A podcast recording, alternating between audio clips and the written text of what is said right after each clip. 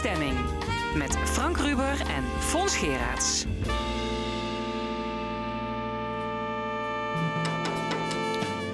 Zondag 6 december, welkom bij de stemming. Dit zijn de onderwerpen in het eerste uur. Provinciale staten staan voor een dilemma. Miljoenensteun voor Netcar of is dat gokken met gemeenschapsgeld? Zometeen een discussie. Waarom moeten zorgverleners geen relatie beginnen met hun cliënten? En een podcast over de invloed van technologie op kunst en andersom. Politieke jongerenorganisaties doen de laatste tijd van zich spreken. Straks een gesprek met CDA, Dwars en SP. Een column van Rezi Kouwmans en het panel discussieert over actuele zaken. Tot 1 uur is dit De Stemming.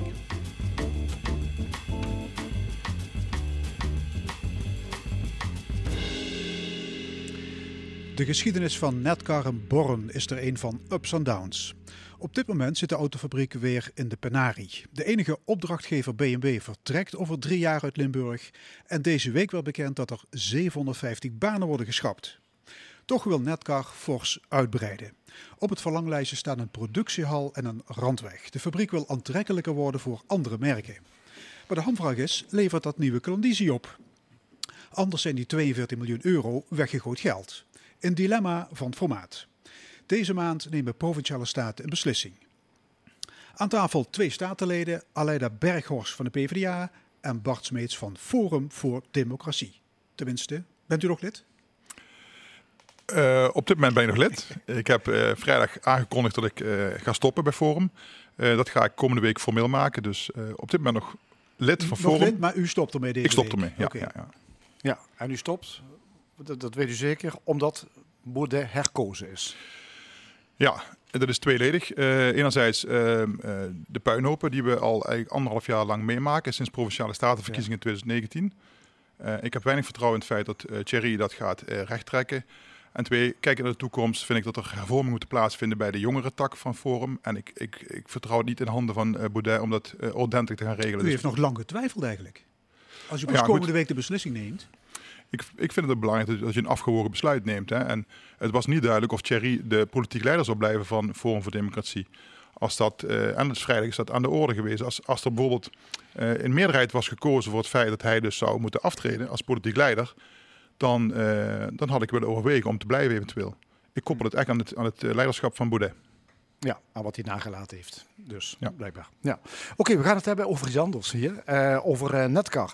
Eh, afgelopen week werd bekend dat er 750 medewerkers van de autofabriek dat die ontslagen zullen worden. Die banen verdwijnen althans.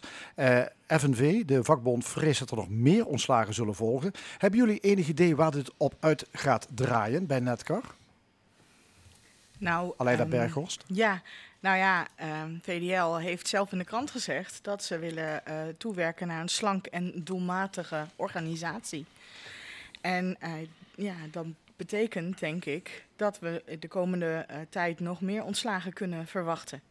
En dat is heel erg triest Ja, en de- de- treurig voor de Dat, vre- mensen. dat vreest de FNV ook, hè, Ja. dat er meer ontslagen gaan vallen. En de vakbond vreest ook dat met het verdwijnen van flexibele arbeidskrachten de wendbaarheid van Netcar verdwijnt. Dus eh, ja, de vraag is, kan een potentiële nieuwe klant dan wel optimaal bediend worden als je ja, die flexibele schil aan het wegwerken bent? Ja, dat, nou, dat snap ik. Hè. Er zijn ook veel vragen die wij eh, samen, denk ik, eh, ingediend hebben met PvdA. eh, om te kijken naar juist naar die eh, terugdringing van die flexibele schil. Ehm, we hebben nog geen antwoord op dit moment gehad, maar wij maken ons ook grote zorgen over ehm, eh, de, arbeids, eh, de arbeidsmarkt in Limburg. Eh, we hebben weinig maakindustrie eh, en nu verdwijnt er weer een groot, groot deel daarvan. Eh, en dat blijft voor ons ook een van de top-items op onze agenda. Ja, maar zijn er eigenlijk wel genoeg mensen te vinden überhaupt om eh, auto's te bouwen? Z- Zijn die mensen er wel in Limburg? Nou ja, ik denk dat VDL bewijst dat die mensen er zijn. Ik bedoel, er werken op dit moment eh 4.500 mensen, waarvan een groot deel eh, uit Limburg. En een deel komt ook uit Genk bijvoorbeeld, net over de grens in België. Ja, dat waren mensen die in een andere autofabriek gewerkt hadden, die daar verdwenen is. Ja. Precies. Maar ja, ik, ik denk dat we in een provincie leven waarin we niet eh, eh, in grenzen moeten denken, maar in kansen. Dus ik denk dat VDL bewijst dat er wel voldoende mensen zijn. Ik denk wel dat je ook ehm, in het achterhoofd moet houden dat met een nieuwe productielijn er ook nieuwe vaardigheden van mensen, eh, dat dat ook nieuwe vaardigheden eh, van mensen vraagt. En waar de PvdA zich wel zorgen om maakt, is of de mensen die er nu werken wel eh, allemaal in staat zullen zijn om ook die overstap naar die nieuwe opdrachtgever te kunnen maken. En of VDL daar ook wel voldoende zorg voor draagt. Ja, u maakt zich zorgen over, eh, dat zei u in een, uh, in een bijeenkomst in, in de Staten, over de kwantiteit en over de kwaliteit van de werkgelegenheid bij Netcar. Hoezo? Nou, ik heb de afgelopen jaren via de vakbond heel wat gesprekken gevoerd met mensen die werken uh, bij VDL, die uh, daar niet zo heel erg blij en gelukkig zijn. Die hoge werkdruk ervaren, werkstress, maar ook uh, die jarenlang op een nul contract via een uitzendbureau werken. En dat vind ik niet kwalitatief goed werk.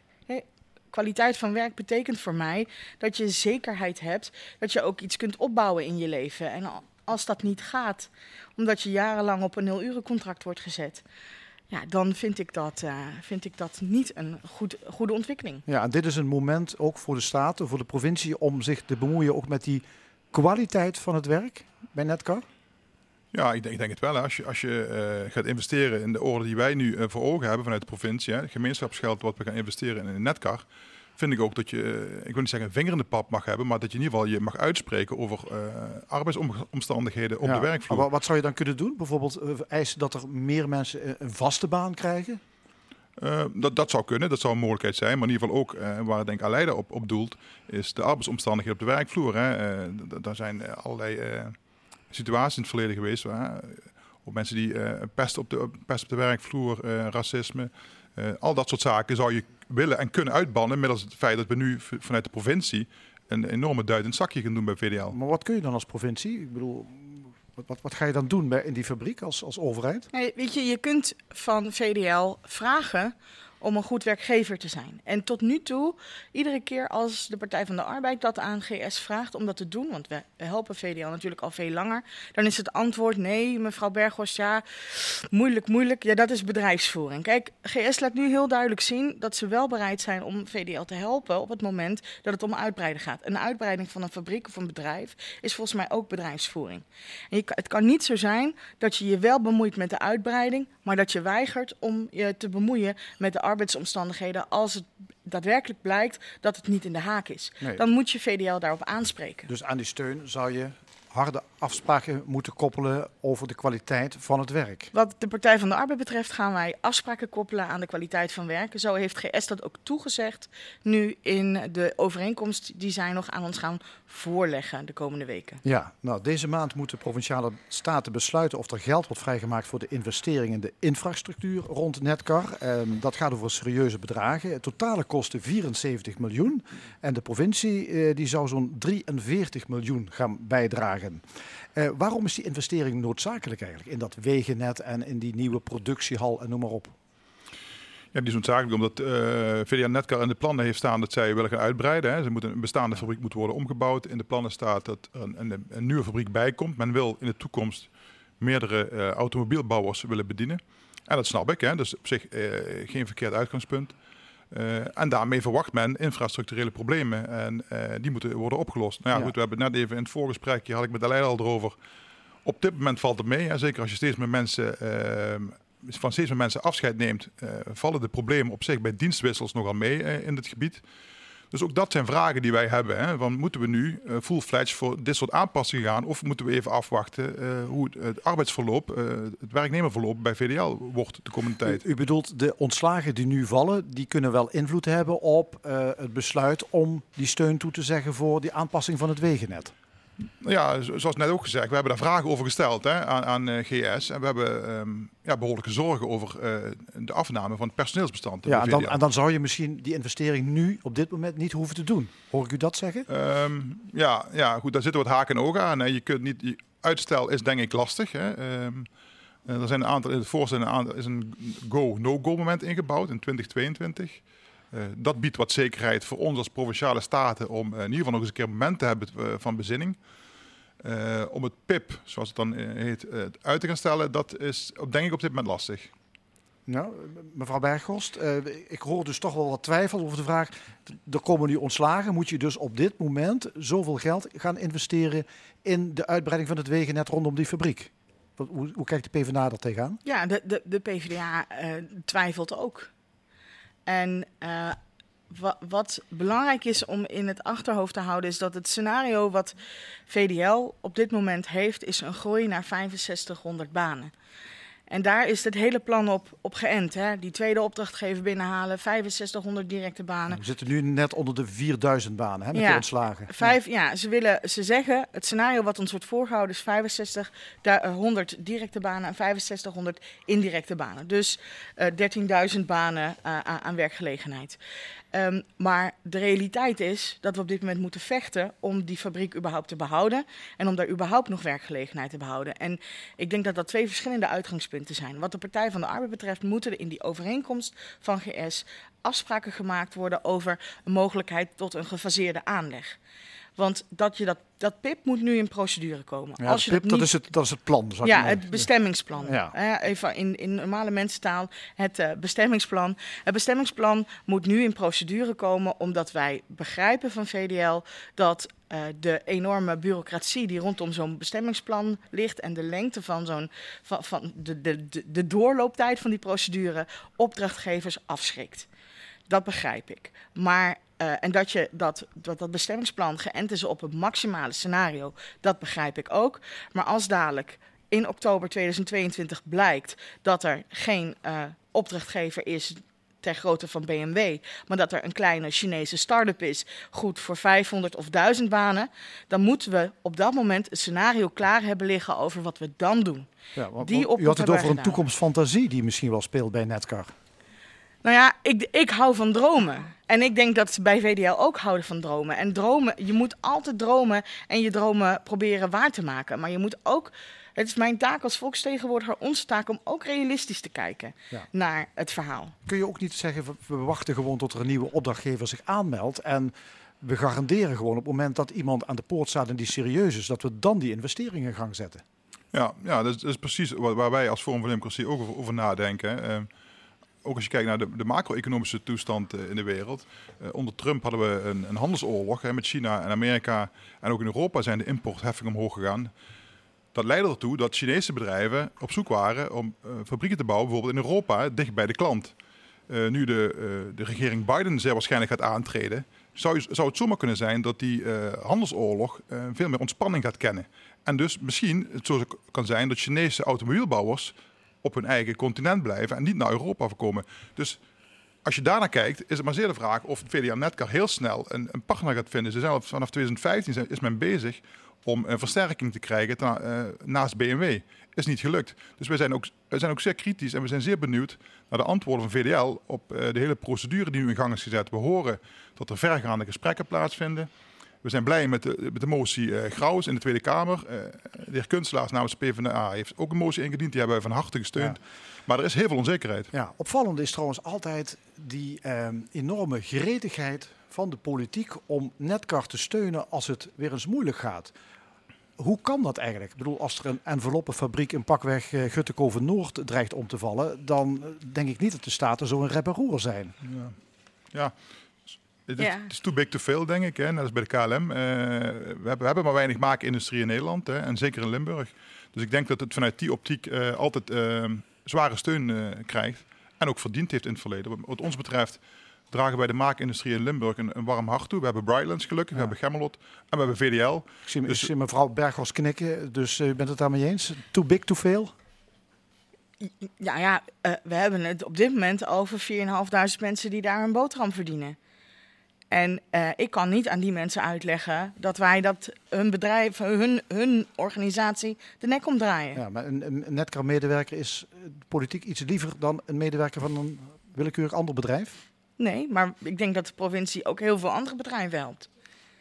En eh, kijk maar eens naar wat we op Maastricht-Aken Airport doen, wat je er ook van vindt. Ja. Eh, eh, en zo, zo kan ik nog Is- wel een aantal bedrijven noemen. De Ja, jullie- papierfabriek in Meers hebben we ook gered voor de werkgelegenheid. Ja, jullie twijfelen dus over eh, of die steun er nu op dit moment wel moet komen. Maar alles inschattende, het, eh, eh, 43 miljoen is er uiteindelijk nodig. Is dat geld er? Nou, de- dat is een van de, de punten in het voorstel eh, waar ik wel eh, mijn vraagtekens bij zet. Het dekkingsvoorstel ehm, van, wat er nu ligt voor, eh, voor eh, de resterende 24 miljoen, uh, is uh, ja, eigenlijk een uitsmering over de komende 40 jaar. To toekomstige generaties moeten het gaan betalen. Toekomstige generaties moeten het gaan betalen. En ik vind dat eigenlijk een beetje een uh, vreemde oplossing. Zo doen we dat ook niet in Limburg normaal gesproken. Ja, hoe, um, hoe, kijkt u er tegenaan uh, als nog als Forum voor Democratie lid op dit moment? nou ja, het is een, het is een aparte constructie. Daar ben ik met mevrouw eh, Berghorst eens. Maar als je het over zoveel jaren uitsmeert, zijn de lasten per jaar ook alweer te overzien. Ja. Um, Oké, okay, dus, dus conclusie, gaat, komt die steun er nou wel of niet? Nou, als u niet erg vindt, hou ik de kaarten nog even voor de borst. We hebben nog twee weken te gaan. Ja, en, we hebben volgende... de Partij van de Arbeid? Nou ja, GS moet aan ons de, uh, de, de, de overeenkomst die ze met, uh, met VDL hebben gesloten nog toesturen. En zonder dat ik die overeenkomst gezien heb, kan ik er werkelijk waar niks over zeggen. Wij vragen niet voor niets aan GS om... Uh, een aantal harde voorwaarden nu te regelen aan de voorkant. Omdat we weten dat als wij na dit besluit hebben we hier helemaal niets meer over te zeggen als provinciale staten. Dus ik ga het er nog niet uh, verklappen wat we gaan doen. Oké, jullie houden de kaarten nog tegen de borst, zoals ik hoor. Dank jullie wel. Uh, we gaan het uh, later deze maand meemaken, want dan gaat de provinciale staten er een beslissing over nemen over de uitbreiding rondom Netcar. Dank jullie wel. Aleida Berghorst van de Partij van de Arbeid en Bart Smeets nog even voor Forum en, en daarna? Nou ja, goed. Uh, daarna, uh, we blijven in ieder geval in provinciale staten. Oké. Okay. Uh, we, gaan, we zijn onderzoeken welk, welk construct we gaan verzinnen om in ieder geval met zeven mensen te blijven samenwerken.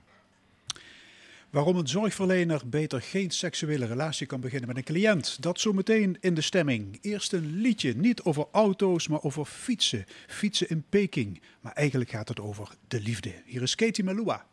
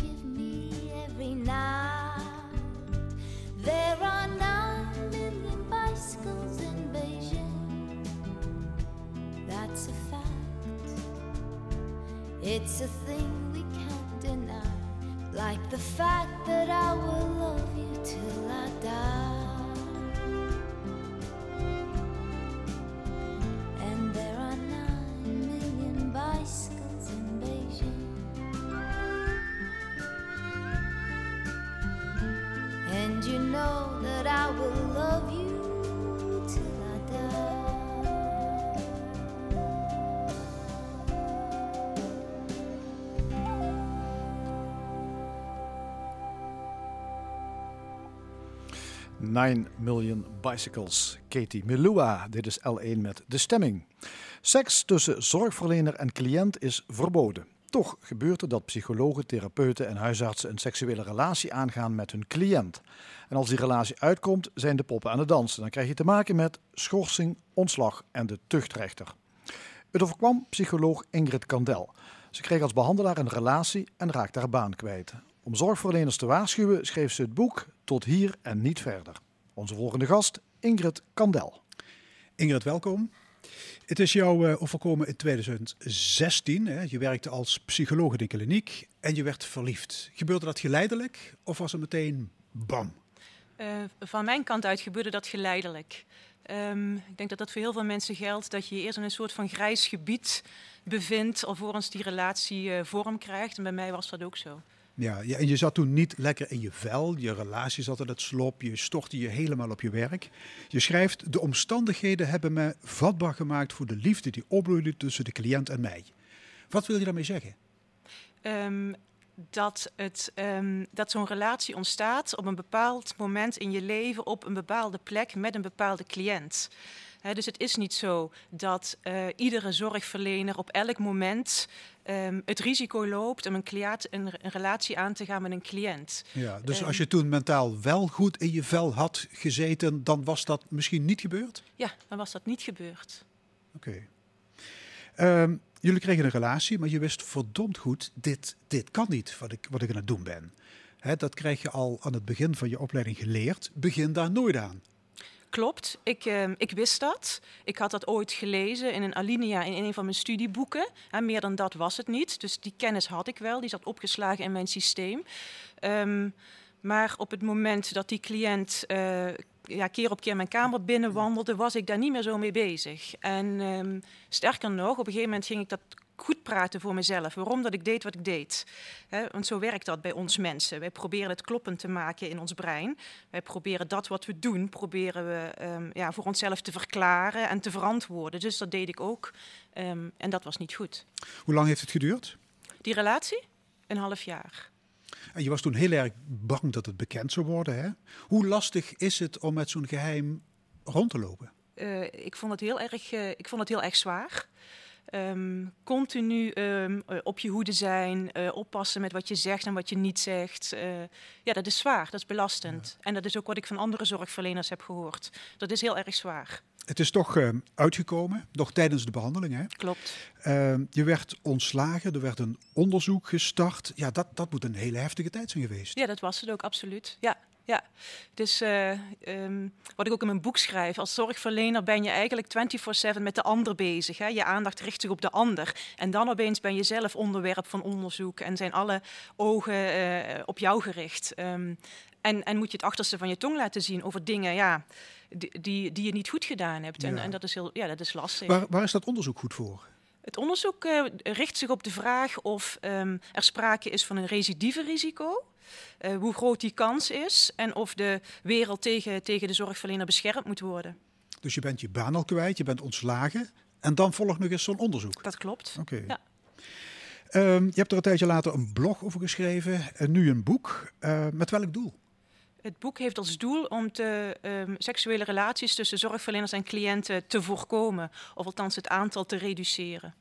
Om andere mensen ja, te waarschuwen waar ze op moeten letten, zodat ze niet de fout gaan maken die ik heb gemaakt. Ja, en wil je ook dat zorgverleners die dit is overkomen voor de dag komen met hun verhalen? Ja, ja zeker, absoluut. Um, want dat draagt bij aan het voorkomen uiteindelijk. Als we meer van dit soort verhalen kunnen analyseren en meer ervaringen van anderen um, uh, kunnen delen met elkaar, dan krijgen we meer inzicht ook in de risicofactoren. Ja. En dat helpt allemaal, uh, dat draagt allemaal bij aan het reduceren van het aantal. Verhalen onder het tapijt vandaan halen, noem Absoluut. je dat. Ja.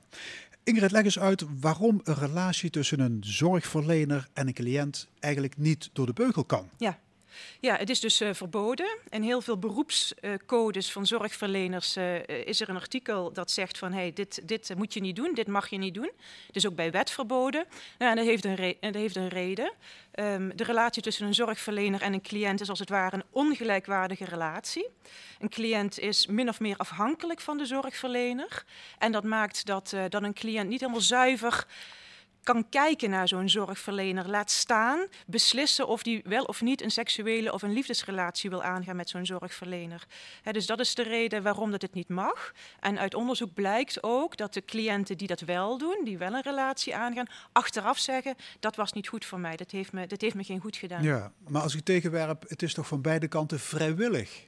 Wat, wat zeg jij dan? Ja, dat is dus de vraag. Hè, in hoeverre het vanuit de cliënt vrijwillig is. Er kunnen allerlei um, um, motieven die niet helemaal helder zijn, een rol spelen in het aangaan van die relatie. Ook als de cliënt er zelf om vraagt. Ook als de cliënt er zelf om vraagt. Het kan, het kan toch iets te maken hebben met gezien willen worden, erkenning willen krijgen. Dat waarvoor zo'n cliënt misschien juist wel in behandeling is. Hmm.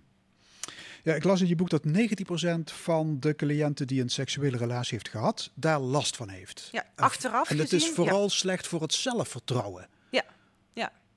Um, achteraf um, um, hebben die cliënten dus een negatieve evaluatie uh, van die relatie. En ik heb met een van die cliënten uh, uh, gesproken. ik, ik, beschrijf haar ook in mijn boek. En zij zei bijvoorbeeld tegen mij: Nou, wat, wat ik in die relatie deed en wat ik niet deed, dat zijn, um, dat zijn dingen geweest waarvan ik niet wist dat ik dat in me had. En um, ik twijfel nu eigenlijk aan mijn, aan mijn eigen oordelingsvermogen en, aan, en het vertrouwen dat ik heb in mijzelf. Dus Ja, dat heeft haar geen goed gedaan. Ja, en het is al helemaal oppassen geblazen als de therapeut verliefd wordt op een TBS'er. Dat Ja, moet je dan- helemaal, helemaal niet doen. Nee, precies, want dan, dan, dan is er ook nog een risico voor de samenleving. Sommige zorgverleners die werkzaam zijn in zo'n TBS-instelling, die eh, gaan namelijk over de vrijheden van zo'n eh, van zo'n TBS-gestelde cliënt. En het zou zomaar eens kunnen zijn dat een verliefde zorgverlener daar op een andere manier over gaat oordelen, over die vrijheden. Waardoor een eh, TBS-gestelde cliënt meer vrijheden gaat krijgen met, alle met, met po- potentiële gevolgen. Ja. Dus daarom staat deze regel knop nooit intieme betrekkingen aan in elke beroepscode van de witte jassen. Klopt. Ehm, wordt er nog een onderscheid ge- gemaakt tussen liefde en pure lust? Ehm, in, in- in mijn boek wel. Ik maak daar een onderscheid tussen. Ik onderscheid als het ware twee categorieën zorgverleners die, ehm, die in zo'n relatie verzeild raken. Als het gaat om de maatregelen die worden opgelegd of de procedure waar je als zorgverlener mee te maken krijgt, dan niet. Elke zorgverlener die een relatie is aangegaan, of het nou een verliefde zorgverlener was of een, of een zieke ver- zorgverlener, die krijgt te maken met, met de inspectie en, en misschien ook wel met het tuchtcollege. Eh, dus daar wordt geen onderscheid gemaakt. En, en ja, ik vind daar iets van. Nu hangt eh, in de spreekkamer van een psycholoog altijd een, een sfeer van vertrouwelijkheid, als het goed is. Eh, als je elkaar ja, wekelijks spreekt over persoonlijke zielenroerselen, dan kan natuurlijk heel makkelijk een vonk overspringen. Ja, Ik bedoel, is, als je brood gaat halen bij de bakker, heb je dat stukken minder. dat klopt. Eh, die kans is, eh, is groter. Niet alleen bij de psycholoog, maar ook in het contact met een, met een verpleegkundige of, of met een arts. Ehm, en dat die vonk overspringt, dat is niet het probleem. Maar je mag daar als zorgverlener niet naar handelen. Ehm, dus dus eh, gevoelens kunnen ontstaan bij, bij iedereen, of je nou een zorgverlener bent of niet. Maar het is aan de zorgverlener om daar niet naar te Ja, die handelen. moet die gevoelens gewoon uitschakelen. Nou, niet Punt. uitschakelen. Je kunt er verschillende dingen mee doen. Maar wat je er op zijn minst mee moet doen, is het bespreken met je collega's. Of met je supervisor. Of in een intervisiebijeenkomst. Dat is het, het minste wat je ermee moet doen. Hoe vaak komen seksuele relaties tussen hulpverleners en cliënten voor in Nederland? Dat is ontzettend moeilijk om daar zicht op te krijgen. Omdat een heleboel van die ehm, eh, relaties niet aan het licht komen.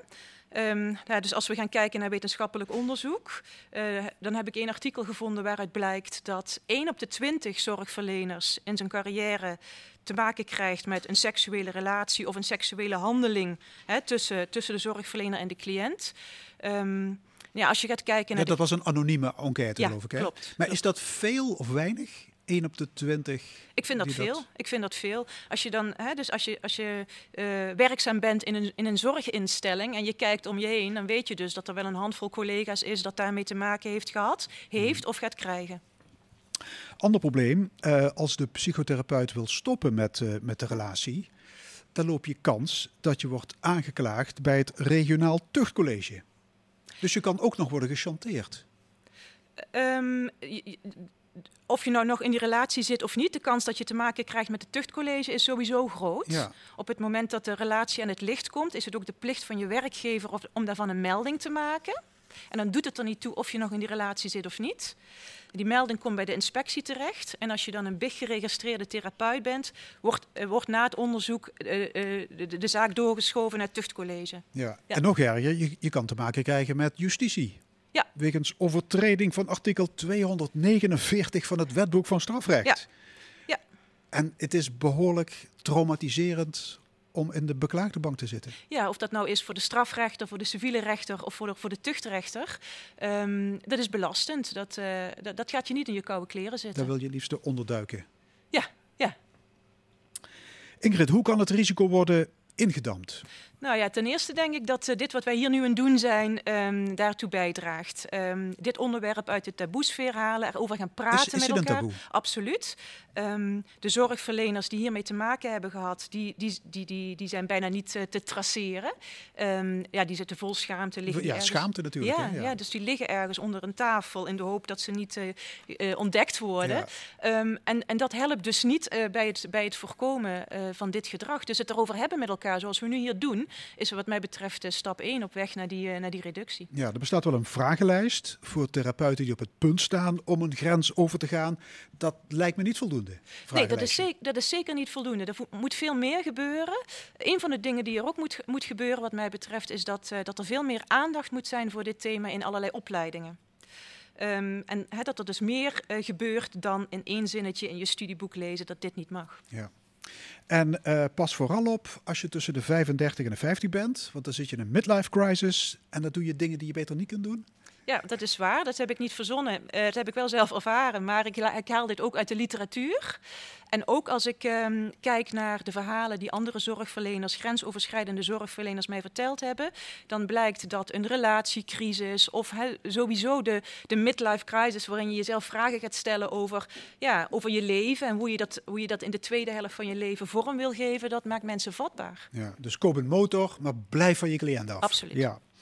Ehm, en zorg dat eh, je niet in de val trapt van wat jij noemt de rolomkering. Ja. Wat is dat? Rolomkering, daarmee bedoel ik dat de therapeut op de stoel van de cliënt gaat zitten en de cliënt op de stoel van de therapeut. Dus ik hoor wel verhalen van zorgverleners waaruit blijkt dat op een gegeven moment de zorgverlener, om wat voor een reden dan ook, zijn hart gaat luchten, eh, zijn hele hebben en houden gaat delen met de cliënt. Ja. Dat is tricky. Een voorbeeld uit je boek. Een cliënt vraagt aan een diëtiste, wanneer begin jij eens met leven? Ja, klopt. Ja, en die, die En dat was confronterend voor Manon, omdat hij daarmee de spijker op zijn kop sloeg. Ja. En dat opende haar hart. Ja, zo is het gegaan bij Manon, die ik gesproken heb. Eh, zij voelde zich enorm gezien en had daar blijkbaar ontzettend veel behoefte aan in het contact met deze cliënt. En nou ja, dat opende haar hart. Ik kan me voorstellen dat zorgverleners die jouw boek hebben gelezen, dat die extra op hun hoede zijn. Eh, en zich afstandelijk gaan opstellen. En daar word je geen betere therapeut van. Nee, daar besteed ik inderdaad ook aandacht aan eh, in mijn boek. Van, het zou inderdaad kunnen dat hierdoor eh, de therapeuten angstig worden en afstand gaan nemen. Nou, een zekere afstand eh, kan geen kwaad, maar dat hoeft niet te betekenen dat je een coole kikker ehm, eh, moet gaan worden. Ja, er is een zorgverlener die tegenwoordig spreekuur houdt met de, met de deur open. Klopt, klopt. Ehm, dat is wat mij betreft niet de bedoeling. En dat is niet waar ik voor pleit, dat zorgverleners dat moeten gaan doen. Maar meer bewustzijn eh, van dit thema en, wat, eh, hè, en de risicofactoren, dat, is, eh, dat, dat kan geen kwaad. Dat is alleen maar goed. Kan het ook goed gaan? Het gaat, Heeft het, ja. heeft het goede huwelijken opgeleverd? Ja. ja, daar besteed ik ook aandacht aan in mijn boek. En, ehm, ja, het kan ook goed gaan. Ik ken zorgverleners die een relatie zijn aangegaan met een cliënt en die tot op de dag van vandaag eh, gelukkig samen zijn. Daarmee zeg ik niet van, dus het moet kunnen, dus doe het maar, helemaal niet. Maar het roept wel vragen op. Vragen als van ja, eh, wanneer, wanneer gaat dat dan goed? En wat moeten we met die zorgverleners die een gelukkige relatie hebben met een cliënt? Wat moeten we daarmee? Hoe gaat het nu met jou?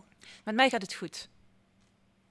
Oké, Ingrid Kandel, hartelijk dank. Het boek Tot hier en niet verder is een uitgave van Bullseye. Het is dinsdag 40 jaar geleden dat John Lennon werd vermoord in New York. En dat wordt herdacht met boeken, televisie- en radiodocumentaires en een nieuwe gemixte verzamelplaat. Een van de nummers die opnieuw wordt uitgebracht is Jealous Guy. Hoe dat gaat klinken, dat weten we nog niet. Wij kiezen vandaag voor het origineel uit 1971.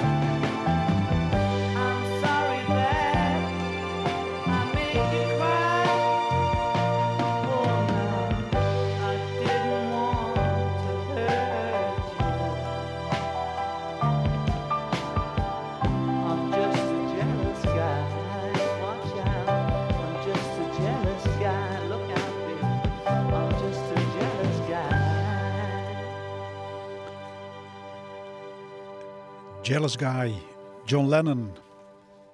De lockdown is rampzalig voor de cultuursector, maar levert ook een hoop creatieve ideeën op. Vooral op digitaal gebied. Denk aan online concerten, streamingvoorstellingen en digitale exposities. Techniek en cultuur versmelten dan met elkaar. Wat doet dat met de kunst en met de kunstenaars? En op welke manier beïnvloedt technologie onze kunstervaring? Het zijn vragen die twee jonge onderzoekers zich stellen. Over het grensgebied tussen kunst en technologie maken ze een podcast. Aan tafel Veerle Spronk en Rosa Wevers. Ja, goedemorgen. Ehm, in de podcast bespreken jullie ontwikkelingen in de kunstwereld. Aan de keukentafel hè, gebeurt dat. Eh, geanimeerde gesprekken tussen twee hartsvriendinnen. Ehm, zijn, die ons, zijn die gesprekken echt ontstaan in deze ongewone tijd? Of voerden jullie die gesprekken altijd al? Die gesprekken voerden we denk ik al de laatste 15 jaar, zolang als we elkaar kennen. We Het kennen gaat altijd over kunst, over cultuur. Het gaat heel vaak over kunst en cultuur. Dat is eigenlijk begonnen al in de brugklas, toen we samen toneel nog deden, toen gewoon als hobby. En al heel gauw maakten we ook sketches over kunst en cultuur. Beetje gênant nu, maar toch. Het is echt al daar begonnen dat we het Ja. altijd over dat soort dingen. En later zijn we zelf ook culturele studies gaan studeren. Ja, en jullie zijn zijn we ook nu, ja. groot gebruikers eh, van het eh, culturele aanbod. Absoluut, ja. Ja? We, we onderzoeken van alles. En ik denk dat we in deze lockdown... eh, was er geen andere mogelijkheid dan maar die livestream proberen... of een online tentoonstelling bezoeken. Dus we hebben dat aangegrepen. En dat leek, iets, ja, het leek ons leuk om dat in de podcast toe te lichten... en mensen ook mee te nemen in die wereld. Ja, even luisteren hoe dat klinkt in die podcast van jullie. En wat ik bijzonder vond, is dat het voor mij eigenlijk de eerste tentoonstelling was waar ik heen ging na de lockdown. En dat was toch wel echt heel bijzonder. En je hebt aan het einde van de tentoonstelling de Sixteenth Chapel. Een, Dat was een werk dat hij gemaakt had voor de Biennale in Venetië. Waar hij een ruimte mocht inrichten. En heeft hij dus echt de- een Sixtijnse kapel ja, aan televisiebeelden. daarvan. Ja. Het is zo'n overweldigend werk. I love it. Ja. ik word er echt heel blij van. Heel mooi ook. Allemaal hele gekke jaren tachtig televisiefragmenten. eh, Ja.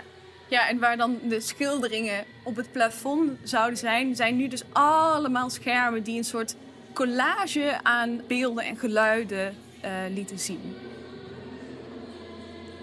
Ja, zo, zo gaat dat dan. Eh een van jullie eh, is ergens geweest, neemt die ervaring mee en jullie bespreken dat aan de keukentafel. En zijn jullie het dan ook wel vaak oneens? Jullie zitten vaak op dezelfde golflengte, heb ik wel de indruk. Nou, dat verschilt een beetje per, per onderwerp, eh, moet ik zeggen. In de eerste aflevering hebben we, hebben eh, dat grensgebied in kaart gebracht en geïntroduceerd. Dus zowel, weet je wel, de, de technologische manieren waarop wij vandaag de dag nu al helemaal, maar al veel langer kunst moeten ervaren. Nu in de lockdown al helemaal bedoel ik, maar dat gebeurt al veel langer. Maar ook de kritische vragen die kunstenaars zelf stellen aan technologieën in hun werk. En vooral als het daarop komt, denk ik dat we hebben een andere achtergrond. Rosa heeft een achtergrond meer in, in cultuurkritiek, denk Ja, ik, en ja. in genderstudies. En mijn is meer een klassieke kunsthistorische achtergrond. Dus ja, dus ik kijk wat vaker naar machtsrelaties. Dat vind ik erg interessant. En hoe we vaak over technologie nadenken als iets neutraals. En hoe kunstenaars juist kunnen laten zien dat dat niet zo is. Terwijl velen weer in andere vragen geïnteresseerd is. Dus ik denk ook dat onze podcast heel erg op zoek gaat naar het beter begrijpen. En eh, kijken wat we allemaal uit die kunstwerken kunnen halen. Ja. Eh, en niet alleen vinden we, het, vinden we het leuk of vinden we het niet leuk. Ja, je, je kunt eigenlijk zeggen, eh, de kunstsector maakt gebruik van techniek. Aan de andere kant zijn er ook kunstenaars die reflecteren op die opmars van de techniek. Hè. Daar hebben jullie het allebei over. Als we eens kijken naar de musea. Hoe geslaagd is de digitale sprong die musea maken in Nederland en, en, en België en weet ik waar? Nou, ik moet zeggen dat ik het heel snel vind gaan. Eh, ik heb voor de aflevering die dinsdag online komt een online tentoonstelling bezocht, waar ik echt heel erg over te spreken ben. En ik zie dat de, nu de noodzaak er is om digitaal tentoonstellingen te maken, de innovatie ook heel snel gaat. Eh, tegelijkertijd, eh, ja, een museum moeten er ook wat mee. Hè? Eh, mensen eh, kijken eerst op Instagram voor, eerst voordat ze naar een museum gaan Ja. soms. Du- dus heeft de, die digitalisering ook invloed op de kunst zelf? Heeft het ja, in- inhoudelijk een, eh, brengt het een verandering teweeg? Ja, dat denk ik absoluut. Eh, alleen al eh, als je kijkt hoe kunstenaars hun praktijk daadwerkelijk moeten aanpassen op het moment dat zij te horen krijgen: dit wordt een online tentoonstelling. Dat, dat beperkt ze, maar dat geeft ze ook nieuwe middelen in handen. En dat gebeurt al een x aantal jaar. Ik denk al sinds het internet bestaat, zijn er kunstenaars die bijvoorbeeld netart maken, die experimenteren met. Ja, wat, wat kan er op het moment dat ik online een werk eh, eh, maak? Dan en ook daar tegen andere grenzen soort werken, een andere visie. andere, andere, Ja. andere beeldtaal. Maar ook dat fragment wat je net liet horen, dat is van Namjoon Paik. Dat is een kunstenaar die in de jaren 60 furoren maakte. En die toen de televisie als nieuwe technologie op dat moment op de markt... echt Ja. als materiaal ging inzetten. En ging zeggen, nou, we kijken al- altijd alleen maar naar dat schermpje.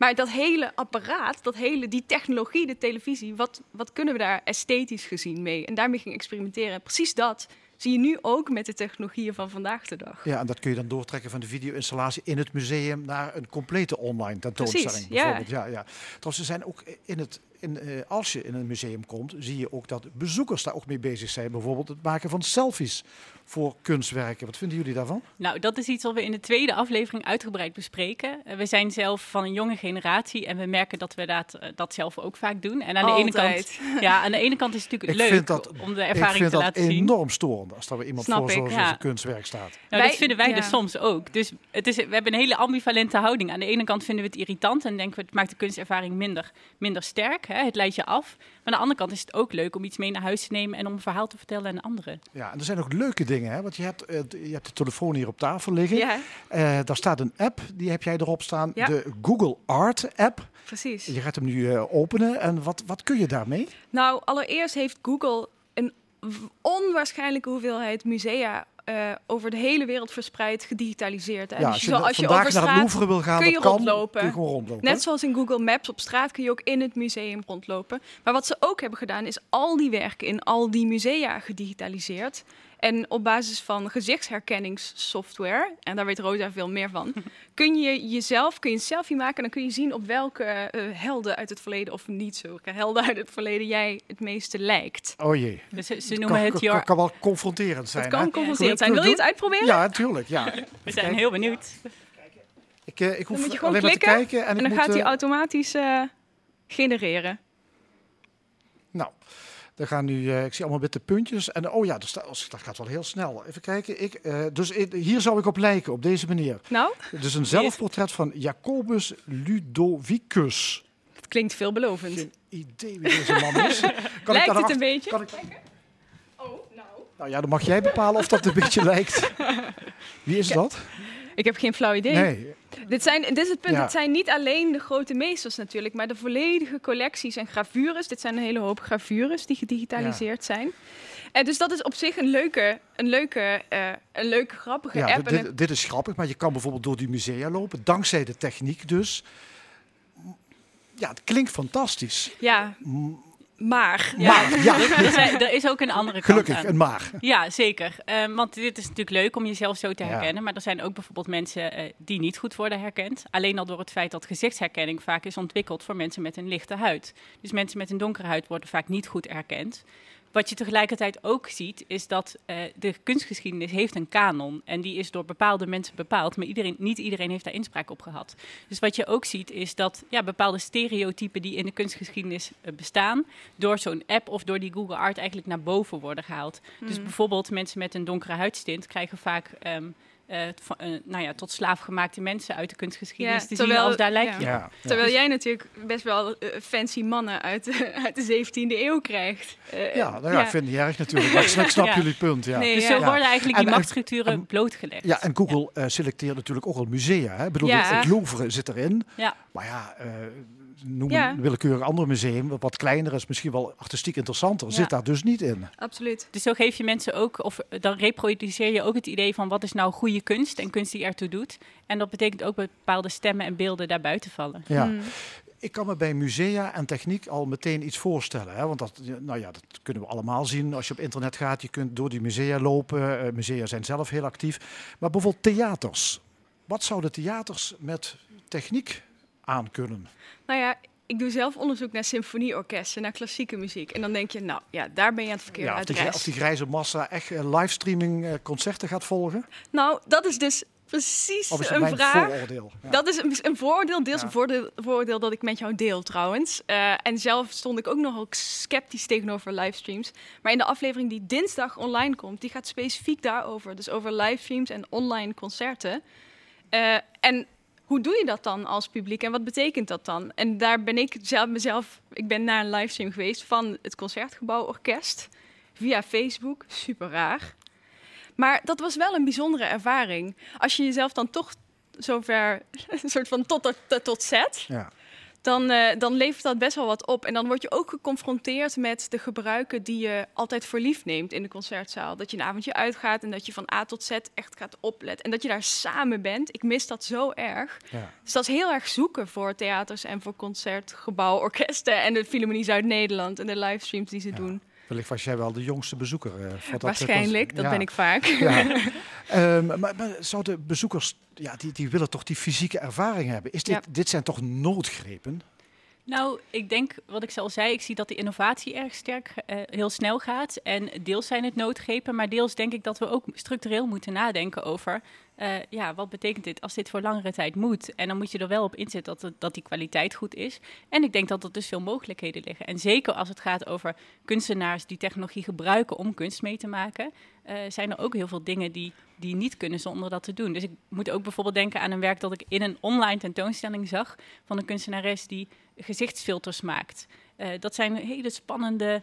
Er gebeurt van alles. En dat is iets wat je natuurlijk niet zou kunnen zonder die technologie. Dus het biedt natuurlijk ook hè, het, to- de toolbox van de kunstenaar, Mhm. wordt hier ook mee uitgebreid. Ja, lopen kunstenaars hier allemaal warm voor? Of zijn er ook kunstenaars die toch eh, hun bedenkingen hebben en misschien wel heel erg reflecteren juist op die technische gevaren misschien wel. Nou, ik denk dat dat bij uitstek in de, in de kunst veel te vinden is. Echt die, die cultuurkritiek. Hè? Die kritiek op de samenleving en de kritiek op wat, wat voor invloed heeft die technologie nou eh, op hoe wij met elkaar omgaan. En ik denk dat dat soort kunst, dat wij daar erg in geïnteresseerd zijn. En het Ja. leuke is dat bij kunstenaars en muzici ook trouwens, dat dat niet vaak, vaak niet hand in hand gaat met dat ze die technologie dus niet willen gebruiken. Vaak is het zo dat ze hem juist gaan gebruiken, maar dan op een kritische manier. Bijvoorbeeld als je denkt, hmm, smart auto's, moeten we, dat, moeten we daar wat, wel wat mee? Dat ze dan juist ja, trucjes en grappen bijna op een speelse manier de grenzen van zo'n technologie gaan bevragen. Om jou wel te confronteren met die eventuele Ja. gevaren. Ja, en met de toekomst waar we met z'n allen heen op aan het afstevenen zijn. En Ja. door soms een nieuw toekomstbeeld te ontwikkelen, kunnen wij ook erover na gaan denken. Kunnen we ook zien, hey, is dit inderdaad hoe wij met technologie om willen gaan? Eh, of moet dit op een andere manier? En ik denk dat kunst daar ons eh, ja, een grote rol in kan spelen om ons daarover te laten nadenken. Ja, en, en daar zijn er ook leuke gadgets die jullie aankondigen in elke podcast. Wat ik wel een hele mooie vond, is een soort t-shirt. Als je dat aantrekt, Ja. dan eh, schop je die hele gezichtsherkenning, die schop je in de war. ja. Het is eh, de Glamouflage t-shirt, heet het, van eh kunstenares Simone Kiel. En inderdaad, als je dat t-shirt aandoet, eh, draag je eigenlijk de gezichten af van allerlei bekende mensen. En als Facebook en dan een foto van jou eh, wil herkennen hè, en van gezichtsherkenning gebruik wil maken, dan, dan lukt het niet meer. Omdat Facebook denkt, er zijn zoveel gezichten, Ja. wie moet ik nou herkennen? Dus eigenlijk ben je super zichtbaar voor mensen, maar onzichtbaar voor de technologie. Ja, en dat stelt meteen eh, vragen over de grote invloed van eh, de big data aan de kunst en, en dergelijke allemaal. Eh, nou, het is een hele mooie podcast jullie maken. En dinsdag is er weer een nieuwe aflevering. Kunstmatig heet het, te beluisteren via Spotify, iTunes of ook gewoon op jullie website zag ik kunstmatig de podcast. Punt. NL. NL, ja. Dankjewel. Eh Veerle Spronk en Rosa Wevers. Dankjewel. Straks in de stemming politieke jonge organisaties die van eh, Forum voor Democratie en de SP met name, die zorgen voor opschudding. Verder de column van comedienne Rezi Koumans en het discussiepanel over prangende actualiteiten zoals de opstandige horeca. Blijf luisteren tot zometeen.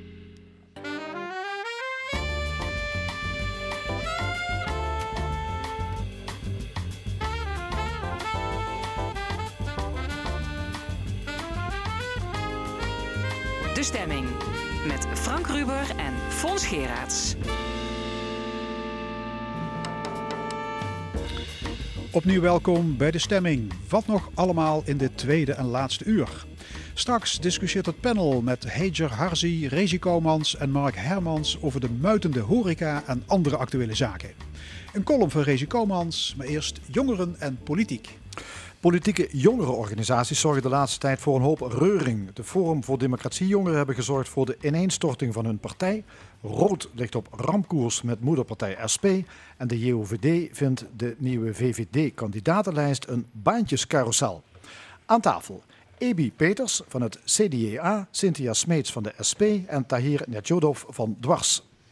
Ja, het Forum voor Democratie in Limburg wilde niet meedoen. Toch even over die Forum Jongeren. Eh, wat vinden jullie van alle antisemitische en nazistische uitlatingen op Instagram en WhatsApp? Ebi Peters. Ja, Eh, nee, ja, verschrikkelijk dat dat soort dingen gezegd worden natuurlijk. Ehm, ja, dat zijn zaken die, die niemand eh wilt dat, eh, wat mee, dat wat mee wordt genomen in de politiek. Dus dat is eh, heel spijtig, denk ik, dat dat bij zo'n grote jongere partij naar voren is gekomen. Ja. Tahir, Nee, Ja, klopt. Ja. van Dwars, jongere organisatie van GroenLinks. Nee, eh, daarom deel ik helemaal de mening met eh Ebi. Het is best wel eh, verwonderlijk dat zoiets wel eh, gezegd wordt binnen een jongere organisatie waar Nederland juist zich thuis zouden moeten voelen. Ja, het gaat over spreuken van de, van de SS. Ik, ik zag Mhm. teksten zoals Joden hebben internationale pedonetwerken. Dit zijn geen qua jongenstreken van de ruilpubers. Cynthia Smeets. Nee, nou ja, volgens mij moet je extremisme gewoon, eh, gewoon afkeuren. En, eh, en kan dit gewoon niet. Ja, dus partijleider Baudet had meteen grote schoonmaak moeten houden. Naar mijn idee wel. Ja, ik denk dat hij daar strikt op moet zitten. Ehm, ik denk dat er zeker moet worden gekeken door wie wat is gezegd. Eh, dus door meteen alles eh, uit te schakelen, weet ik ook niet of dat zo slim is. Kijk vooral eh, wat daar is gebeurd. Ehm, maar ik denk dat hij daar wel wat strenger op had mogen zijn. Ja, absoluut. Hij, hij deed eigenlijk helemaal niks. Nee, en dat leidde ja. dus uiteindelijk tot ongeveer Ja. de ineenstorting van zijn partij. Ja. Is er enig medeleven bij jullie? Cynthia Smeets, SP? Nou ja, kijk, jongeren vormen ideeën. Ze zijn jong hè, en op zich eh, eh, moet dat ook kunnen. Maar ja, dat kan niet eh, ten einde gaan, zeg maar. Dat kan niet alle Nee. kanten op. En zeker niet als dat onze democratie bedrijft. Ja, nou, binnen een PO is het helemaal prima als je buiten het kaders van de moederpartij denkt. Dat is juist natuurlijk zo ontwikkeld standpunt zeg. Maar, Maar niet op daar- deze manier. Nee, precies. Daar, ook daar zitten grenzen aan, inderdaad. En naar ons idee heeft de JFD dat wel overschreden. Ja, is het afgelopen met die jongere tak? Ehm, dat is, dat, daar kunnen wij denk ik weinig over zeggen. Ja, lastig. Ja, het is ook hommeles tussen SP en de jongerentak Rood. Eh, de SP heeft zes jongeren uit de partij gegooid vanwege hun lidmaatschap van het communistische platform. Cynthia Smeets, je bent eh, SP-voorzitter Zuid-Limburg. Wat is daar mis mee? Ja, dat klopt. Nou ja, allereerst maar heel eventjes om het dan eh, te corrigeren. Het zijn niet zes jongeren. Het zijn zes mensen die in onze partij eh, die toch wel extreme standpunten hebben ingenomen. Ehm, eh, die ook geweld prediken. En dat kunnen we natuurlijk niet goedkeuren. Ja, maar, Ehm, die, maar die zes die waren lid van Rood. Nee, je dus nee, nee, automatisch ook lid van de zes- SP. En dat, Precies, dat is helemaal waar. Hè? Dat Wat je zegt, als je roodlid bent, dan ben je ook lid van de SP. En ook andersom, hè? SP'ers zijn ook roodleden. Ehm, maar eh, het is niet zo dat die zes allemaal jong waren. Hè. Twee van die jongeren, eh, of eigenlijk twee van de mensen van die zes, dat waren jongeren. En die zijn uiteindelijk ook gekozen in het bestuur van Rood. Eh, en dat heeft voor een lastige situatie ja. gezorgd. Want dat Maar oké, betekent maar, dat je maar waarom, lid bent. waarom dat royement? Nou ja, het, eh, wij hebben hun lidmaatschap beëindigd eh, eh, als, als partij. omdat we gewoon vinden dat deze standpunten van, van hun ja, niet passen bij wie wij, willen zijn. Hè, en waar wij naartoe willen als, als socialistische partij. Wat hebben ze voor standpunten? Nou ja, dat gaat dan ook heel vaak over gewapende burgermilities en, en andere standpunten die ja, wat ons betreft wat te ver gaan. Ja, de SP spreekt van geradicaliseerde zolderkamercommunisten die een gewapende oorlog willen. Maar Rood zelf ontkent dat met klem. Nou ja, dat, Die zeggen is uit de context jongeren- getrokken. Ze hebben het over hardwerkende partijgenoten die dag in dag uit bezig zijn om het socialisme te bereiken. En dat is ook zo, hè? Daar zijn we iedere dag met z'n allen hard mee bezig. En jongeren ook met ons, absoluut. En dat doen we in de afdelingen. Ja, maar er wordt gezegd, dit is eh, een afrekening omdat eh, Rood kritisch is over Lilian Marijnissen. Oh nee, dat, zo, zo zie ik dat absoluut niet. Eh, ik denk eh, dat onze jongeren altijd kritisch mogen zijn hè, en dat daar ook echt alle ruimte voor is.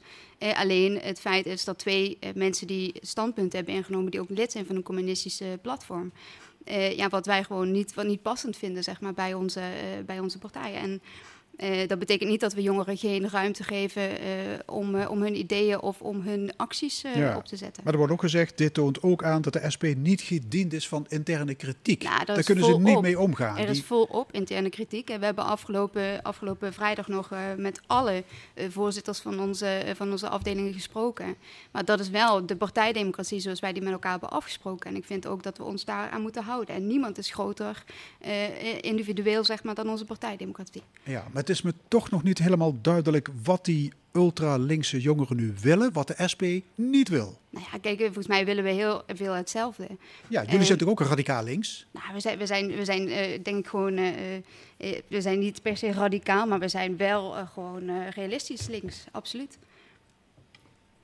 Maar nu de vraag, wat willen die jongeren wat jullie niet willen? Nou, ik denk dat de jongeren niet iets anders willen dan wat wij willen. Wij Maar zijn ze de worden wel eruit, eruit gekegeld. Nee, nee, nee, de jongeren, jongeren zijn, worden er niet uitgekegeld, alles behalve. Ze zijn hartstikke welkom. Maar in dit geval zijn twee jongeren die inderdaad ook lid zijn van een communistisch platform. Ja, daarvan hebben we gezegd, eh, je lidmaatschap met het communistisch platform en de SP is niet verenigbaar met elkaar. Waarom niet? Nou ja, omdat... Wat is ehm, het verschil tussen communisme en socialisme? Nou ja, kijk, je- je mag best wel als je socialist wordt, eh, zeker ook naar, naar het communisme kijken en ook naar het marxisme eh, en ook naar het neoliberalisme. Hè. Je vormt je ideeën. Ehm, en ja, natuurlijk, onze partij komt ook ergens vandaan, maar we hebben ook afstand genomen van, eh, van het communisme. En we zijn nu een socialistische partij die gebaseerd is ook op het filosofische fundament van Marx. Ja. Eh, en dat Maar, vertalen maar, naar maar standpunten. Rood noemt zich ook socialistisch. Ja, absoluut. En rood is ook socialistisch. Maar de SP is wel gestopt met alle steun. Is dit einde oefening voor jonge organisatie Rood? Nee, eh, het is zeker niet einde oefening voor jongeren in de SP. Maar zonder geld kun je toch niks? Dat is het ook afgelopen? Nou, we hebben het tijdelijk opgeschort, hè, de financiën. Jongeren zijn zeker eh, nog altijd welkom. En eh, ja, ze kunnen ook nog altijd terugkeren eh, naar, naar rood. Ja. Maar dan moet Heb je, wel... geen enkele compassie? Want je komt zelf uit rood. Absoluut, zeker. Kijk, ik heb hartstikke veel compassie met jongeren. En, en er is ook heel veel ruimte voor hun om, om echt alles te doen wat ze willen. Hè. Wij bezetten elektriciteitshuisjes, zeg maar, omdat we, omdat we vinden dat de marktwerking in de Nee, energiesector... oké. eh, Maar in dit conflict sta je volledig op de lijn van het landelijke Ja, absoluut. Ja. Tahir Nefjudov van Yes. Mhm. Dwars eh, Limburg, GroenLinks jongeren, ook van de linkse familie. Hoe kijk jij hiernaar? Ehm, ja, vanuit Dwars kijk je een beetje naar een afstandje daarnaar. Ehm, wij vinden persoonlijk, of nou ja, dan spreek ik namens Dwars Limburg, dat, ehm, hoe zeg je dat, rood wel enigszins extremistisch is geweest. Ehm, ja, ik ehm, denk wel dat het tot op zekere hoogte terecht is dat ze die vergoeding hebben stopgezet. De financiële bijdrage hebben stopgezet. Omdat ehm, ook de SP en de Rood tot op zekere hoogte aan elkaar verbonden zijn. Maar ehm, ja, verder hebben we ons redelijk afzijdig gehouden in dat conflict. Ja, nee, snap ik. Ja. Ebi Peters, voorzitter CDJA Limburg. Hoe, Ja. hoe kijk jij? eh, Nee, ja, daar sluit ik me ook, eh, ook wel bij aan. Ik denk dat het, eh, dat het goed is geweest om het inderdaad eh, tijdelijk stop te zetten. Ik zou het jammer vinden, ook al is het een andere partij, als het helemaal stopgezet zou worden in de toekomst. Ik denk dat, er, dat het goed is om inderdaad te gaan kijken wat is hier ook nogmaals, net zoals bij Forum, wat is hier gebeurd. Ehm, en eh, past iedereen binnen de partij. En daarna kunnen, we, kunnen jullie hopelijk gewoon weer verder. ja. Ja, Maar is het niet zo dat de jongerentak per definitie radicaler en zuiverder in de leer is dan de grote moederpartij? Ja, dat is Die ook moeten toch, je moet toch een permanent pain in ass zijn als jongerenclub, of niet? Ja, nou, ik weet, ja, radicaler. Ik, ik vind dat een beetje een vervelend woord. Ja. Eh, ik denk gewoon heel kritisch. En de moederpartij scherp houden. Dat moeten we allemaal. Ja, dat, dat klopt. Daarin, of het er nou een pen in de Cynthia is. Smeets, dat moet. Zeker, ja, jongeren, jongeren hebben soms wat uitdagendere ideeën en dat is ook goed. Hè, dat houdt ons allemaal scherp. Absoluut. Maar toch? Nou ja, maar toch, nog, eh, die jongeren hebben allemaal heel veel ruimte in onze afdeling om met, hun, met deze ideeën ook gewoon eh, eh, naar voren te komen. En ze hebben echt Nee, ik dacht het niet, want ze worden gewoon massaal geroyeerd. Nou, massaal, massaal. En- en rood wordt dadelijk-? Nou, fijn. Maar kijk naar de JOVD. Hè. Die hebben kritiek op de nieuwe kandidatenlijst van hun grote partij. Te weinig lef, te veel insiders. Het is een baantjescarousel. Moet een jongere afdeling ja, luis in de pels zijn? Tot op zekere hoogte wel, naar mijn idee. Want ehm, jongeren spelen ook een belangrijke rol, zowel tijdens de verkiezingen als daarna. Jongeren zijn over het algemeen degene die het vaak zo de straat op gaan tijdens de verkiezingen. Wij zijn over het algemeen ook degene die... Nou, laat ik het zo zeggen. Er wordt niet voor niets vaak gezegd dat jongeren de toekomst zijn van iedere partij en de leiders van de toekomst. Dus in die zin ben ik het er ook over eens dat wij tot op zekere hoogte wel een luisterende pijl zouden moeten zijn. Ja. Maar je zegt er twee keer toe tot op zekere hoogte. Ja, dat zou op zich. Ja, klopt. Tot hoe ver mag je gaan? Nou ja, tot zoverre als ethisch wordt toegelaten, maar nee, niet echt per se dat er grenzen zijn of zo. Ja. Nou. EB Peters, hoe ver mag je gaan als jongere tak? Ah, ik denk eh, dat er altijd uitzieters zijn die, die meteen moet straffen. Eh, het moet de democratie niet schaden. En we moeten elkaar niet, eh, niet te veel willen kwetsen. Ja, precies. Dat is wel, ja. Ja, ik, ik heb de indruk dat de, de jongerenclub van het CDA, het CDJA, de meest brave is van het stel. Klopt dat? En ik denk dat wij, dat wij nu op dit moment redelijk rustig zijn. Eh, maar braaf of kritisch. Wij zijn ook heel kritisch naar onze partij toe. Ehm, ook eh, tijdens, de, tijdens de verkiezingen dadelijk eh, zullen wij ook wel dingen indienen die wij graag willen terugzien in het verkiezingsprogramma. Dus braaf, ja, nou, braaf. We staan nu niet in de nieuws, nee, met, eh, met dit soort dingen. Maar ik denk niet dat wij braaf zijn. Krijgen jullie wel eens kritiek vanuit het landelijke partijbureau of het verzoek om te dimmen, om de toon wat te matigen? Ehm, vanuit dwars is het meestal andersom. meestal is het juist zo dat wij GroenLinks aanspreken dan dat GroenLinks ons aanspreekt, omdat wij verder wat vaak gaan in onze standpunten. Ja. En, ehm, Nee, maar dat kan ook Ja. landelijk eh, op een partijbureau verkeerd vallen. En dat ze jullie verzoeken om het een beetje, een beetje kalmer aan te doen. nou, dan verzoeken wij ze terug om het wat... eh, Ja, ja, oké. Ik denk dat dat ook de bedoeling is. Ik denk Ja. dat je gewoon vanuit beide kanten kritiek moet kunnen hebben. Dus ook andersom, ja. Dat klopt. Wat is, de, wat is de functie? Ja, Cynthia Smeets, SP. Nee, nee, zeker. Ik ben het er helemaal mee eens. Ik, ik denk dat jongeren echt wel. eh, jongeren en de moederpartij, in ons geval is dat één partij. Hè? Eh, dat wij gewoon met elkaar heel kritisch moeten zijn, eh, ook op, op wie we zijn. En eh, dat ook gewoon zo moeten houden. Ja. Wat is de functie van een politieke jongerenorganisatie? Ik denk dat wij meerdere functies hebben. Ik denk dat wij eh, de politiek eh, bij de jeugd willen brengen. Eh, ik denk dat wij deels eh, mensen willen, eh, in aanraking willen laten komen met politiek. Ja, jongeren Dus, enthousiasmeren misschien ja, ook voor de ja, politiek. absoluut. Eh, dus een beetje een kweekvijver, dat kan. Eh, dat hoeft niet altijd zo te zijn. Ehm, en dat, dat scherp houden van de moederpartij. Ik denk dat dat eh, voorop staat. En bovenop eh, daarnaast is het ook nog zo dat een PEO ook vooral dient ter eigen oriëntatie van de standpunten. Als toevoeging daarop. Leg eens uit. Nou ja, zoals we al eerder hadden besproken, over de bepaalde ehm, kaders waarbinnen een moederpartij denkt. Een jongere organisatie denkt daar wat breder over. Ehm, gaat wat extremer in die standpunten. En ik denk dat het juist heel erg goed is dat jongeren zich ook durven te verdiepen in de wat minder eh, gebruikelijke standpunten. Met zijn kaders natuurlijk, met zijn grenzen, zoals we bij eh, het JFD zien natuurlijk. Nou ja, ik denk dat dat vooral te maken heeft eh, met, een, met een aantal goede ideeën die jongeren vaak hebben, die wij Ja, als volwassen partij Ja. misschien nog niet hebben. Hè. Dat, dat kan ons ook gewoon in- doen innoveren. Ja, een Zeker. frisse blik. Ja, Absoluut. Een innoveren andere zou ik het kijk. inderdaad wel willen noemen. Innoveren van de standpunten. Ebi, je zei net, ze zijn ook bedoeld als kweekvijver eh, voor nieuw talent. Hè? Ja, dat kan. Veel politici zijn ooit begonnen bij jongerenclubs. Mhm. Denk aan Mark Rutte. Ja. En jij zit al in de gemeenteraad van Pelen Maas. Klopt, ja. Ja, nee, dat klopt. Eh, eh, dus ik denk dat dat op bepaalde hoogte ook zeker een kweekvijver is. Wij zien dat nu ook met de verkiezingen. We hebben twee jongere partijleden die eh, lid zijn ook van het eh, CDJA. Eh, ons oud-voorzitter Marieke Nas die staat op de lijst. Nou, Gabrielle Heijnen staat op de lijst. Dus eh, dat komt voor. Ja, en dat is mooi om te zien dat mensen dus dat hebben geproefd en verder willen. Welke jongere thema's vinden jullie belangrijk? Nou, ik denk een van de Cynthia Smeets, belangrijkste...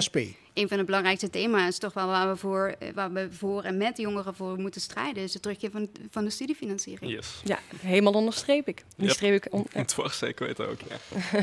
Ik ben blij dat Dwars daar eh, nu anders naar kijkt. Ja, ja. zeg dat inderdaad. Ja. Ja. Maar daar zijn tegenwoordig alle politieke partijen weer voor. Hè? Nu bedoel, wel. Dat, dat wordt Nu- nu. teruggedraaid, Meeste dat wel. is in de pocket. Nog, ja, nog, ik denk dat CDA en SP hebben daar in het verleden natuurlijk altijd eh, voor gestaan. hè. GroenLinks, een van de die hebben de grote switch gemaakt. Ja, die hebben zeker een grote switch gemaakt, want zij zijn zelfs een van de bedenkers natuurlijk van het schuldenstelsel. Hè. Dus laten we daar heel eerlijk over zijn. Ja, maar Dwars was er al, altijd wel al op tegen. Maar, Ja, kom- maar komt wel die switch dan door, de, eh, zal maar zeggen, door een, lobby vanuit jongeren in, in GroenLinks? Dus door dwars bijvoorbeeld? Ik denk dat het een ehm, combinatie van omstandigheden is, waaronder inderdaad de invloed die Dwars had op GroenLinks daarover. We zijn ook een grote doelgroep binnen GroenLinks. Wij, zijn ook, wij maken een grote eh, Ik deel denk, dat uit je, van, het, van de stemmers. ik denk dat je ook ja. gewoon niet meer kunt ontkennen als partij dat het schuldenstelsel wel degelijk invloed heeft zeg maar, op de toekomst van jongeren. Ja, we hebben Ja. gezien wat het doet. Precies. En nu ineens komen mensen terug. Goed, studiebeurs is één ding. Wat nog meer? Wat staat hoog op de...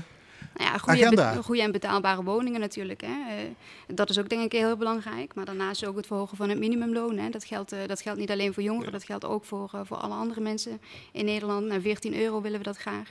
Eh, ik denk dat dat wel eh, hele belangrijke thema's zijn. Op naar een eerlijk Nederland, eh, zou ik zeggen. Ja. Nog Ja. meer? Dwars? Limburg? Ehm, ja, het milieu, het klimaat natuurlijk. dat speelt bij ons ook een grote rol.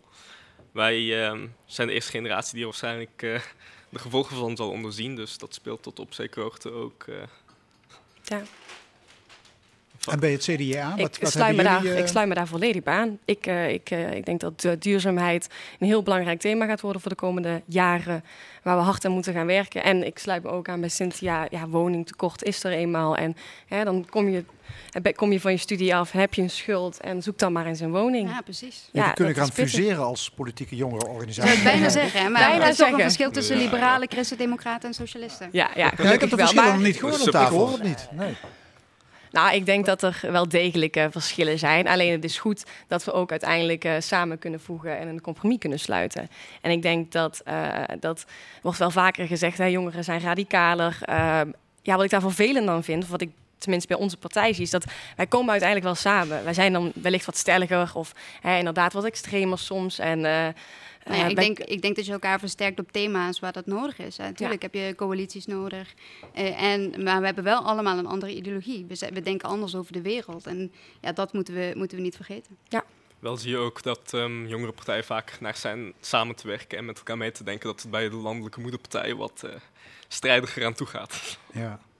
Maar kunnen jullie eh, een zodanige vuist maken dat dingen worden opgenomen in de respectievelijke verkiezingsprogramma's? Ehm, Ja? ja, ik denk het wel. Ehm, bij dwars bijvoorbeeld, dan dienen we een motie in als dwars zijn. Dan doet een van ons dat en dan roepen we alle dwarsers op om te komen bij, die, bij dat congres en voor die motie te stemmen. Dat is een beetje hoe het werkt. Ja. Het voordeel van de jongere organisatie, waaronder in ons geval dwars, is dus juist dat we een blok kunnen vormen. We kunnen makkelijker een blok vormen dan andere doelgroepen. Ik denk, dat, ik denk dat bij jullie partijen, bij Dwars en CDAJ, dat anders is dan bij ons als SP.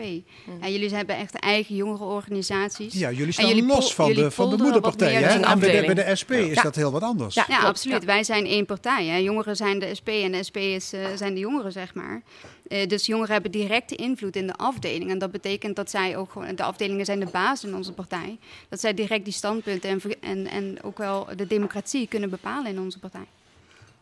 Tahir, hoe denk jij over eh, regeringsdeelname van eh, GroenLinks? Regeringsdeelname van Groen- Ja, dat eh, zullen we eerst moeten afwachten wat het resultaat zal zijn eh, na, Uiteraard. de, na de verkiezingen. Maar ehm, Je klinkt als een politicus. ja. Nee, ik, ehm, ik ben best wel optimistisch over, over het algemeen. Ik hoop dat GroenLinks zal, zeker zal, deelne- zal deelnemen aan de verkiezingen. Ja, maar Aan, Klaver, wil, Klaver wil niet zonder de PvdA, hè? Alblieft? Klaver wil niet zonder de Partij van de Arbeid. Ja, en ik, andersom. eh, ja, vind ik op zich wel een eh, leuke poging om een links blok te kunnen vormen. Ik ben daar best wel voorstander van. Dat links wat meer bij elkaar komt om samen te werken. Want je ziet ook dat, het is nu eenmaal helaas zo, dat linkse partij wat eh, kleiner begint te worden in de verkiezingen. En dan is dit wel een van de originele manieren om ervoor te zorgen dat we alsnog een aardige vuist kunnen vormen. Dus. Cynthia Smeets, SP, Ja, mij- regeringsdeelname. Ja, natuurlijk. Volgens mij moet je willen regeren als partij. Hè. Dat is volgens mij waar je ook eh, toe op aarde bent eh, eh, als, als politieke partij. Maar Ja, die rebellerende jongeren zijn er een hele andere mening toe gedaan. hè? Nou ja, Die kijk, vinden dat kijk, waar zij wel heel terecht een punt hebben, is dat je natuurlijk niet ten koste van alles moet willen regeren. Hè, dus als je, als je klein bent als partij, of misschien niet de standpunten kunt eh, waarmaken, zeg maar, waar je uiteindelijk wat, wat je op, hebt opgeschreven in je verkiezingsprogramma, ja, dan moet je ook twijfelen of, of je er goed aan doet om mee te doen aan, eh regeer, aan een regering. Ja, aan het CDJA hoef ik die vraag niet te stellen. Hè? Nee? Ja, dat mag. Regeringsdeelname. Ja, nou, je gaat geen, we- je gaat geen nee, nee nee, nee, nee, dat doen we niet. Dat willen we niet. Hey, hebben jullie zelf nog politieke of bestuurlijke ambities? Jij zit al in de gemeenteraad. Ja, ik zit in de gemeenteraad. Ehm, ja, in de toekomst... eh, Over vier jaar misschien landelijk. Eh, Ja, dat weet ik nog niet. Ik ben nog, ben nog jong, ben ook nog gewoon een student. Eh, ik doe nog heel wat anders daar- daarnaast. Dus ik ben nog even aan het kijken wat ik allemaal wil in de toekomst. En ik vind dit op het moment heel erg leuk om te doen. Maar of dat over vier jaar al Kamer of de lijst gaat zijn, dat, dat weet ik nog niet. Cynthia Smeets, nu Nou ja, voorzitter SP Zuid-Limburg. Ja, mijn belangrijkste ambitie is vooral met mensen samen zorgen dat we een eerlijker Nederland krijgen. Hè? Dat we die 14 euro minimumloon eh, krijgen, betere woningen, een miljonairsbelasting invoeren. Laat je rode hart spreken. Ja, absoluut. Vol. Yes, ik hoop ook, ehm, mijn eigen ambitie op de korte termijn is om bijvoorbeeld fractievoorzitter te worden van GroenLinks Helen. Ehm, maar los daarvan is het ook gewoon, ehm, op de lange termijn kan je niet zozeer al een bepaalde functie uitstippelen. Het is een beetje een pad dat je vanzelf opbouwt. Maar ehm, ik hoop een, be- een beetje verjonging te brengen binnen Helen. Oké. Ja. Wil iemand nog ergens op terugkomen? Nee? We Oké. willen jullie heel erg bedanken, denk ik. Ja. Dan dank ik jullie ook hartelijk. Amy Peters van het CDJA, CDJA Cynthia Smeets van de SP en Tahir Nefjudo van Dwars. Dank jullie wel. Dankjewel. Yes, dank je. Zometeen hoort u de column van Rezi Koumans, maar eerst de Amerikaanse meidengroep de Shirelles. Begin jaren 60 populair met heel veel hits, zoals Mama Said.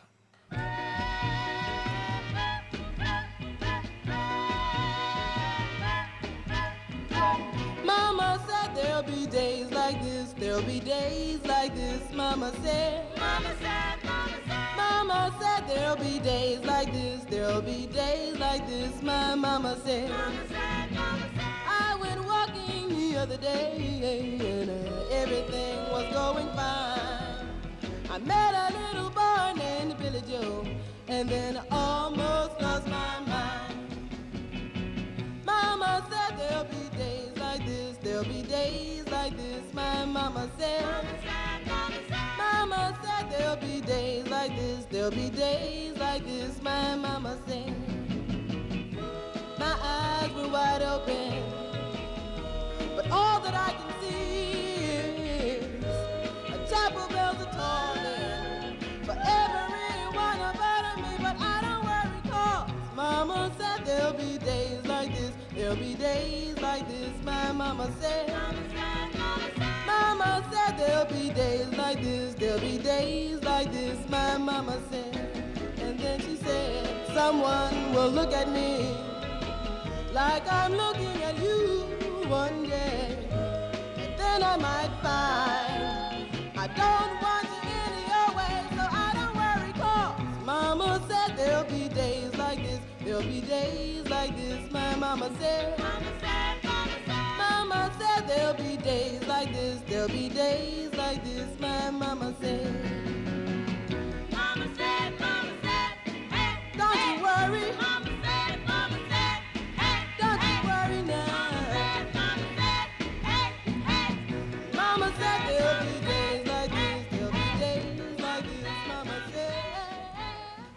De Sharels met een twee minuten song Mama Said. Zo dadelijk in de stemming het discussiepanel. Maar eerst in het plat de column van de week. De column. Vandaag met Rezi Kouwmans. En terwijl ik me toe aan het bedenken word wat ik nu in godsnaam weer van een column moest gaan schrijven. Want luister, het, schrijven op zich is geen probleem. Hè? Het is net wie koken. Weet je ook het koken zelf is geen probleem. Maar wat moest ze vandaag weer koken? Dat is het probleem. En waar moet ik dus nu over gaan schrijven? Kijk, ik heb het gevoel dat alles al gezag is. Ja, er is corona. Nee, dat is geen gewoon griep. Ja, de mondkapjes motten. En nee, dat is niet leuk. Ja, anderhalve meter. Nee, geen bezoek met kerstmis. Eigenlijk ook wel eens fijn, hè? Maar niet fijn voor de theaters en de horeca. Ja, het water steekt iedereen al in de luppen. En nee, ik wil het niet op mijn geweten hebben dat ene zaadlap zich bij mij in de kroeg aanstikt. Maar daarover dadelijk meer in het discussiepanel. Maar goed, terwijl ik me dat dus allemaal zit te bedenken, is Boete de oorlog uitgebarsten. Althans, zo klinkt het. De godskanselijke dag is het al aan het knallen. Het vuurwerk. Ooit bedoeld om kwaai geister te verjagen, zodat we die niet metnemen naar het nieuwe jaar. En als dat één jaar toepasselijk zou zijn, dan is dat toch wel dit jaar. Maar nee, ook het vuurwerk is verboden. Nou, niet dat ik daar nu persoonlijk rouwig om ben. Ik ben altijd al chauffeur geweest, hè. Ooit heb ik eens voor een plaatselijke winkelier een reclamefilmpje opgenomen. Het was van hoog niveau. Waarin ik in bed lig met mijn mens. En dan zeg ik, voor het echte betere vuurwerk ga ik toch maar naar de en de fietsenwinkel. Nou, als honorarium, ja echt waar. Eh, Je kunt het opzoeken, het op YouTube. Ehm, als honorarium kreeg ik daarvoor een enorme pallet vuurwerk. Echt heel schoon, fijn in serie geschakeld met afstandsbediening, zodat we veilig binnen kosten als de fik erin ging. Nou, om 11 uur s'avonds kwam de mens met een busje aangereden. En hij ging me dan ook uitleggen wie die afstandsbediening werkte. En terwijl wij allebei met onze kop in de achterbak over dat vuurwerk hingen, zei er: Kijk Rees, dan duwt ze straks eerst op dit knopje. En dan op dat knopje. En ineens, oh oh, paf, paf, knal, knets, klon. Per ongeluk ging dus de ganse kroom af in die bus. De mens greep de pellen, trekte uit de wagen, waardoor al die pielen horizontaal over de weg schoten. Precies daar waar ik stond. Nou, ik heb gerend, gerend voor mijn leven. Ik heb me tegen de moer aangeduwd en terwijl die kringen om me herfloten. Tot zover veilig vuurwerk. Maar dit jaar is het vuurwerk dus verboden. Op gaat flikkersterren hoor. Hè? Maar ja, omdat alles wat verboden is, spannend is, is alle ozel nu al weken aan de gang. En het helemaal uit de hand. Burgemeesterswoningen werden opgeblazen, ganse weken fikken af en liggen overal op zelderkamertjes potentiële bommen te wachten om per ongeluk af te gaan. Maar luister, het vuurwerk is niet stom. Dus Hè? Die lui die met haar korte lontjes dat vuurwerk gebruiken, die zijn stom. Dus in plaats van het vuurwerk te verbieden, kunnen ze beter de lui verbieden. Ja, of om te verbieden om de straat op te gaan. Dus ik pleit voor een ovenklok met adem nu. En ik blijf in ieder geval binnen en laat de champagne knallen. En nog genoeg flessen ben ik het afgelopen jaar ook vergeten. En is de kwaaie geest alleen nog maar in de vorm van knallende koppien.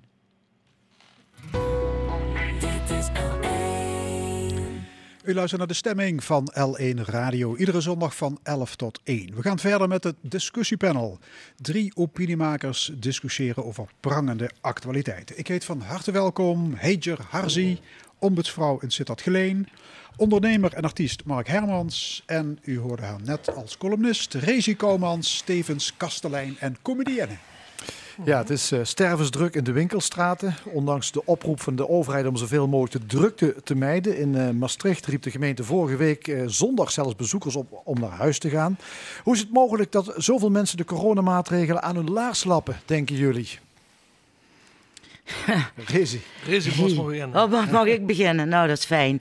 Ja, ja ik denk eh, A, dat ze het eh, een beetje zat zijn. B, dat er misschien niet genoeg in hun eh, eh, eh, kleine omgeving ernstige dingen aan de hand zijn. Dat ze het niet meemaken.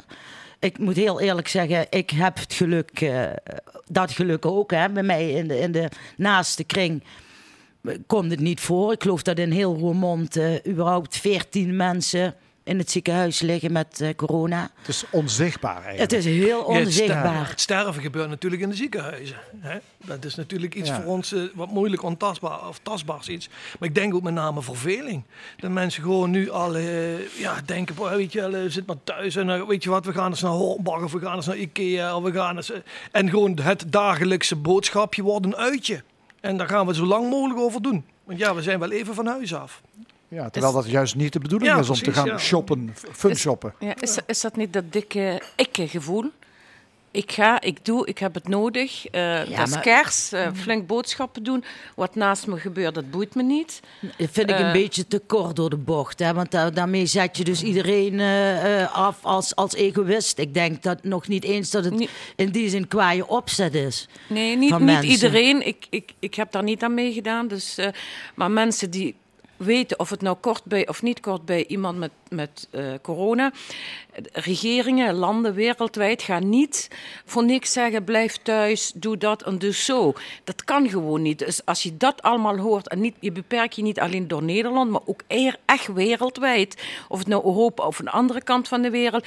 Iedereen kapt met hetzelfde probleem. En dan ga je alsnog winkelen en shoppen en doen net of er niks aan de hand is. Dan denk ik dat dat een dikke ikke-gevoel. Ja, hoe, hoe zouden we kunnen voorkomen dat die winkelstraten volkstromen met eh, winkelend publiek? Want ja, de Rijksoverheid zegt wij gaan geen extra maatregelen opleggen. Gemeenten moeten dit maar zelf doen. Maar ja, Kijk Ja. naar Rotterdam, wat de burgemeester Abu Talib heeft gedaan. Kijk naar eh, burgemeester. Marcouch Ja. heeft gedaan.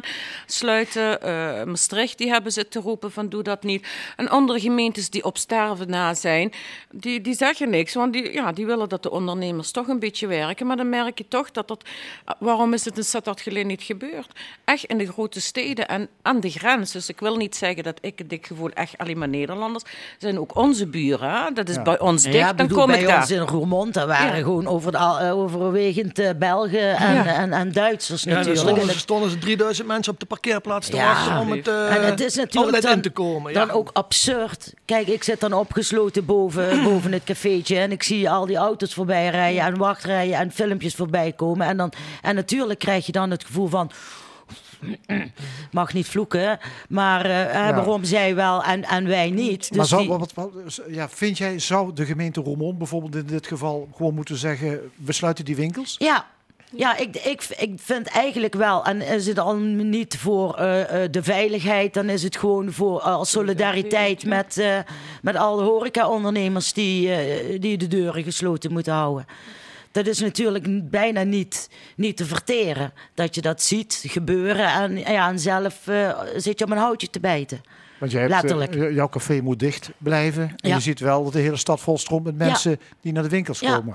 En ik denk eh, laatst, eh, ik denk, nou wat is er mis met de goede ouderwetse zondagsrust? Hè? Ge- eh, voer gewoon de zondagsrust weer in. Zeg gewoon op zondag alles dicht. En het fun shoppen, eh, jammer dan. Je gaat maar, eh, als je echt iets nodig hebt eh, van de bouwmarkt, dat kun je ook eh, op, op, op donderdagavond halen. Of op, eh, Bij ja. onze buren in België bijvoorbeeld, dat funshoppen is er niet. Alleen echt de winkels die open zijn, alleen levensmiddelen. De rest is dicht. Dus een, Nu inmiddels niet meer, hè? Ja, maar toen. Ja. Er was kleding en eh, de, de outlet in Maasmechelen was dicht. Tot december.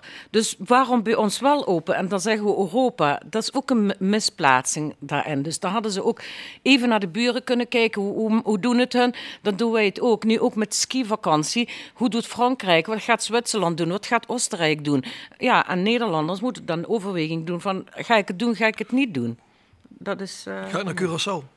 Ja, bijvoorbeeld. Ja, ja, dan ben ik het Dan kom ik van de regen de drup. Ja. Ja, de, de horeca eh, ja, is er allemaal niet blij mee. Dat is begrijpelijk, hoor, eh Rezi. En 17 januari gaan jullie weer open, begrijp ik. Nou, jullie niet. ik niet. Ja, eh, horeca, Limburg, Koninklijke Horeca, afdeling Limburg zegt 17 januari Ja. gaan we open. Ik ben wel lid van de Koninklijke Horeca, maar ik ben het daar persoonlijk niet mee eens. Eh, omdat ik ook niet vind dat we hypocriet moeten doen. Kijk, er zijn een heleboel horecagelegenheden waar het heel goed kan. En waar het heel goed lukt. Ook de anderhalve meter en ik, eh, restaurants en noem het maar op. Mhm. Kan ik me heel goed voorstellen dat het heel veilig kan. Maar ik ben heel eerlijk, in een cafeetje zoals ik heb, met mijn eh, 50 vierkante meter, nou, daar kunnen 11 mensen in. Ehm, de, en dan ja, ik, moet ik gewoon allemaal mensen de deur wijzen of zeggen, nou je komt er niet in. En, en ik weet hoe het werkt in een kroeg. Eh, Vooral in een kroeg. We hebben een biertje op, we hebben een dit en oh, stuk, Er zijn er geen eh, nu, spatschermen eh, nee, maar die dat, helpen. dat werkt ook niet. Dan is ook de hele. ja, ik noem het altijd maar van. eh, ik ik ben kunstschilder en ik kan nu niet eh, mijn schilderijen maken, dus ga maar eh, huizen verven. Ja, dat, dan ben je ook een schilder, maar, maar heel anders. Dus Ja. je kunt gewoon je werk niet doen. En het heeft geen zin om voor elf mensen open te doen. Ja. En ik wil het, wat ik ook al zei, niet op mijn geweten hebben dat er eh, toch bij mij iemand zich besmet, want het, het risico is er wel. Ja, inmiddels is het kabinet eh, gekomen met de aankondiging dat er extra steun voor de horeca komt. Ehm, zou Den Haag misschien bang zijn dat de, de burgerlijke ongehoorzaamheid van de horeca overslaat naar de rest van de samenleving? Ja, weet je, dat is natuurlijk de, de, de democratie van het geld. Hè. Mooi dat er, dat er een opstand dreigt en dan gaan we er subsidies aan geven en dan wordt het weer verzachte pijn. En dan, gaan er- dan ontstaat weer ergens anders een veenbrand. Kijk, het is natuurlijk een maatschappelijk probleem voor alle ondernemers in deze coronatijd dat gewoon de wereld anders eruit ziet. En dat we ons moeten gaan voegen naar nieuwe wetten. En daar zit natuurlijk, eh, bij de een zit er eh, een plus in. Hè. De webwinkels die weten niet hoe ze, hoe ze de pakketjes de deur moeten krijgen. En aan de andere kant de lege winkelstraten. En dat is natuurlijk allemaal dezelfde weegschaal. Hè. Maar de ene keer slaat die balans die kant op, de andere keer die kant op. En eh, ja, als de horeca nu burgerlijke ongehoorzaamheid gaat eh, prediken, ja, dan denk ik wel dat er dadelijk het hek van de dam is. Want dan gaat iedereen die benadeeld wordt, dan, gaan ook de, dan kan ik ook eens theater maken zeggen, nou weet je wat, ik ga lekker weer voor 250 mensen optreden. Want ik vind dat ik eh, benadeeld word, hè, snap je? En dan krijg ik niet eens eh, ondersteuning. Kijk, dat de horeca zoiets gaat doen.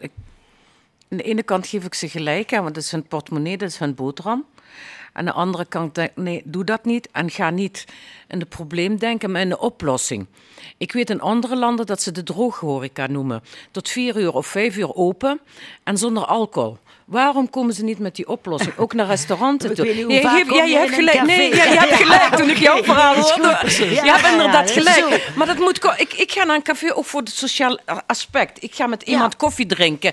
Iemand die en dat vereenzamen. Kom, we gaan de stad in en we gaan Ja, maar koffie weet je wat drinken. het is? En Kijk, dan droog. Diegene die komt koffie drinken, en, en die heb ik ook. En, en, ik, en ik heb er echt mee te doen, want ik, ik zie die mensen ook gewoon nu verdwaasd over straat rondlopen. Die verder helemaal niemand hebben. En die gewoon leven van één keer per dag of bij mij een kopje koffie komen drinken, een krantje lezen. Die zijn er ook. Ik heb het niet allemaal over de zware kloekers aan de bar.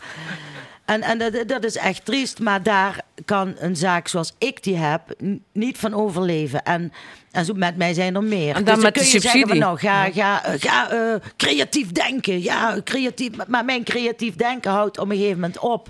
Ik ben 57, dus ik ga er nu Beste gewoon tijd vanuit. gehad natuurlijk. Ja. Beste Ja, tijd ja, gehad. ja. Eh, omscholen, nu nog. Een andere baan. Waar? Eh, dus ik denk, ik ben nu echt... En het, ik schaam me eigenlijk een beetje ervoor om dat te zeggen, zo om plein publiek.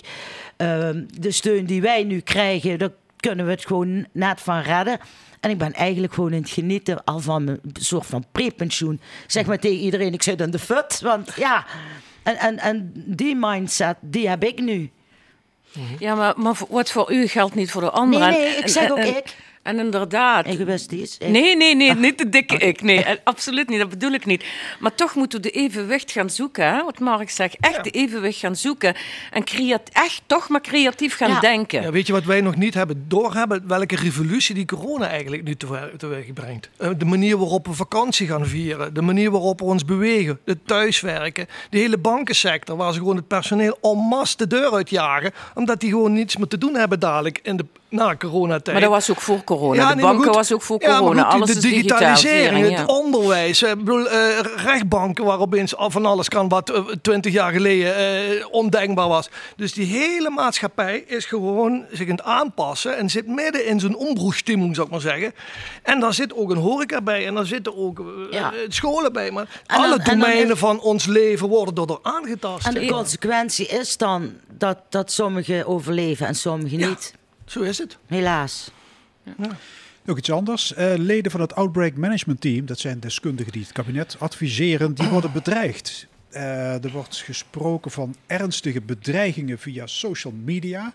Ja, wat hiervan te denken, Mark? Schandalig. Ja, weet je, dat is. jongen. ja, ja, wie, wie daar nou eh, voor zou kunnen zijn, ja, het zijn gewoon. eh, ja, domme mensen, ik kan het niet anders zeggen. Ik, ik- ik- hoe kom je erbij om mensen die eh, iets, een, een, een ongevallige boodschap eh, brengen, eh, om die dan fysiek te gaan bedreigen? Want dat bedreigen, dat loopt gewoon een beetje de spuigaten uit. Van alles wat ons niet aanstaat, daar gaan we maar mailtjes naar sturen of daar gaan we op bezoek, zogenaamd met een Ja. kerstpakket of zo. Maar het is allemaal in de fysieke sfeer. En het is toch eigenlijk een verruwing van onze samenleving, waar niet maar het debat, maar het conflict wordt gezocht. En dan, en dan een bedreiging ook nog in, je, in je levenssfeer. Hè? Want eigenlijk eh, eh, tast dat je eigenlijk je, je persoonlijke integriteit als, als, als, als niets anders aan, zou ik maar zeggen. En ja, dat is hetzelfde als dus die, die vuurwerkpijlen op politieagenten of mensen die in de, de brandweer een brandje komen blussen, die gaan hinderen. Of mensen in de ambulance. Bedoel, waar zijn we in godsnaam mee bezig? Ja, ja, ik ben het helemaal met je eens. Dus het is gewoon, eh, het is verschrikkelijk. Ja. Want mensen, ik, ik snap ook wel eens, hè, wij zeggen ook eh, hè, thuis, eh, wel eens als je het over iemand man, man die kon zich kapot houden. Hè?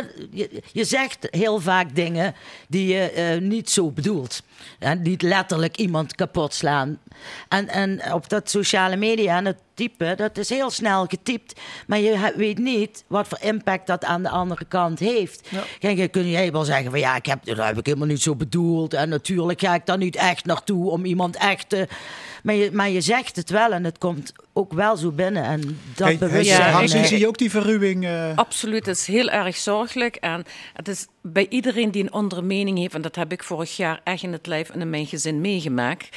Het is Ja. zomaar iets. Ik, ik werd ook echt via social media bedreigd en, en mijn dochter en zo.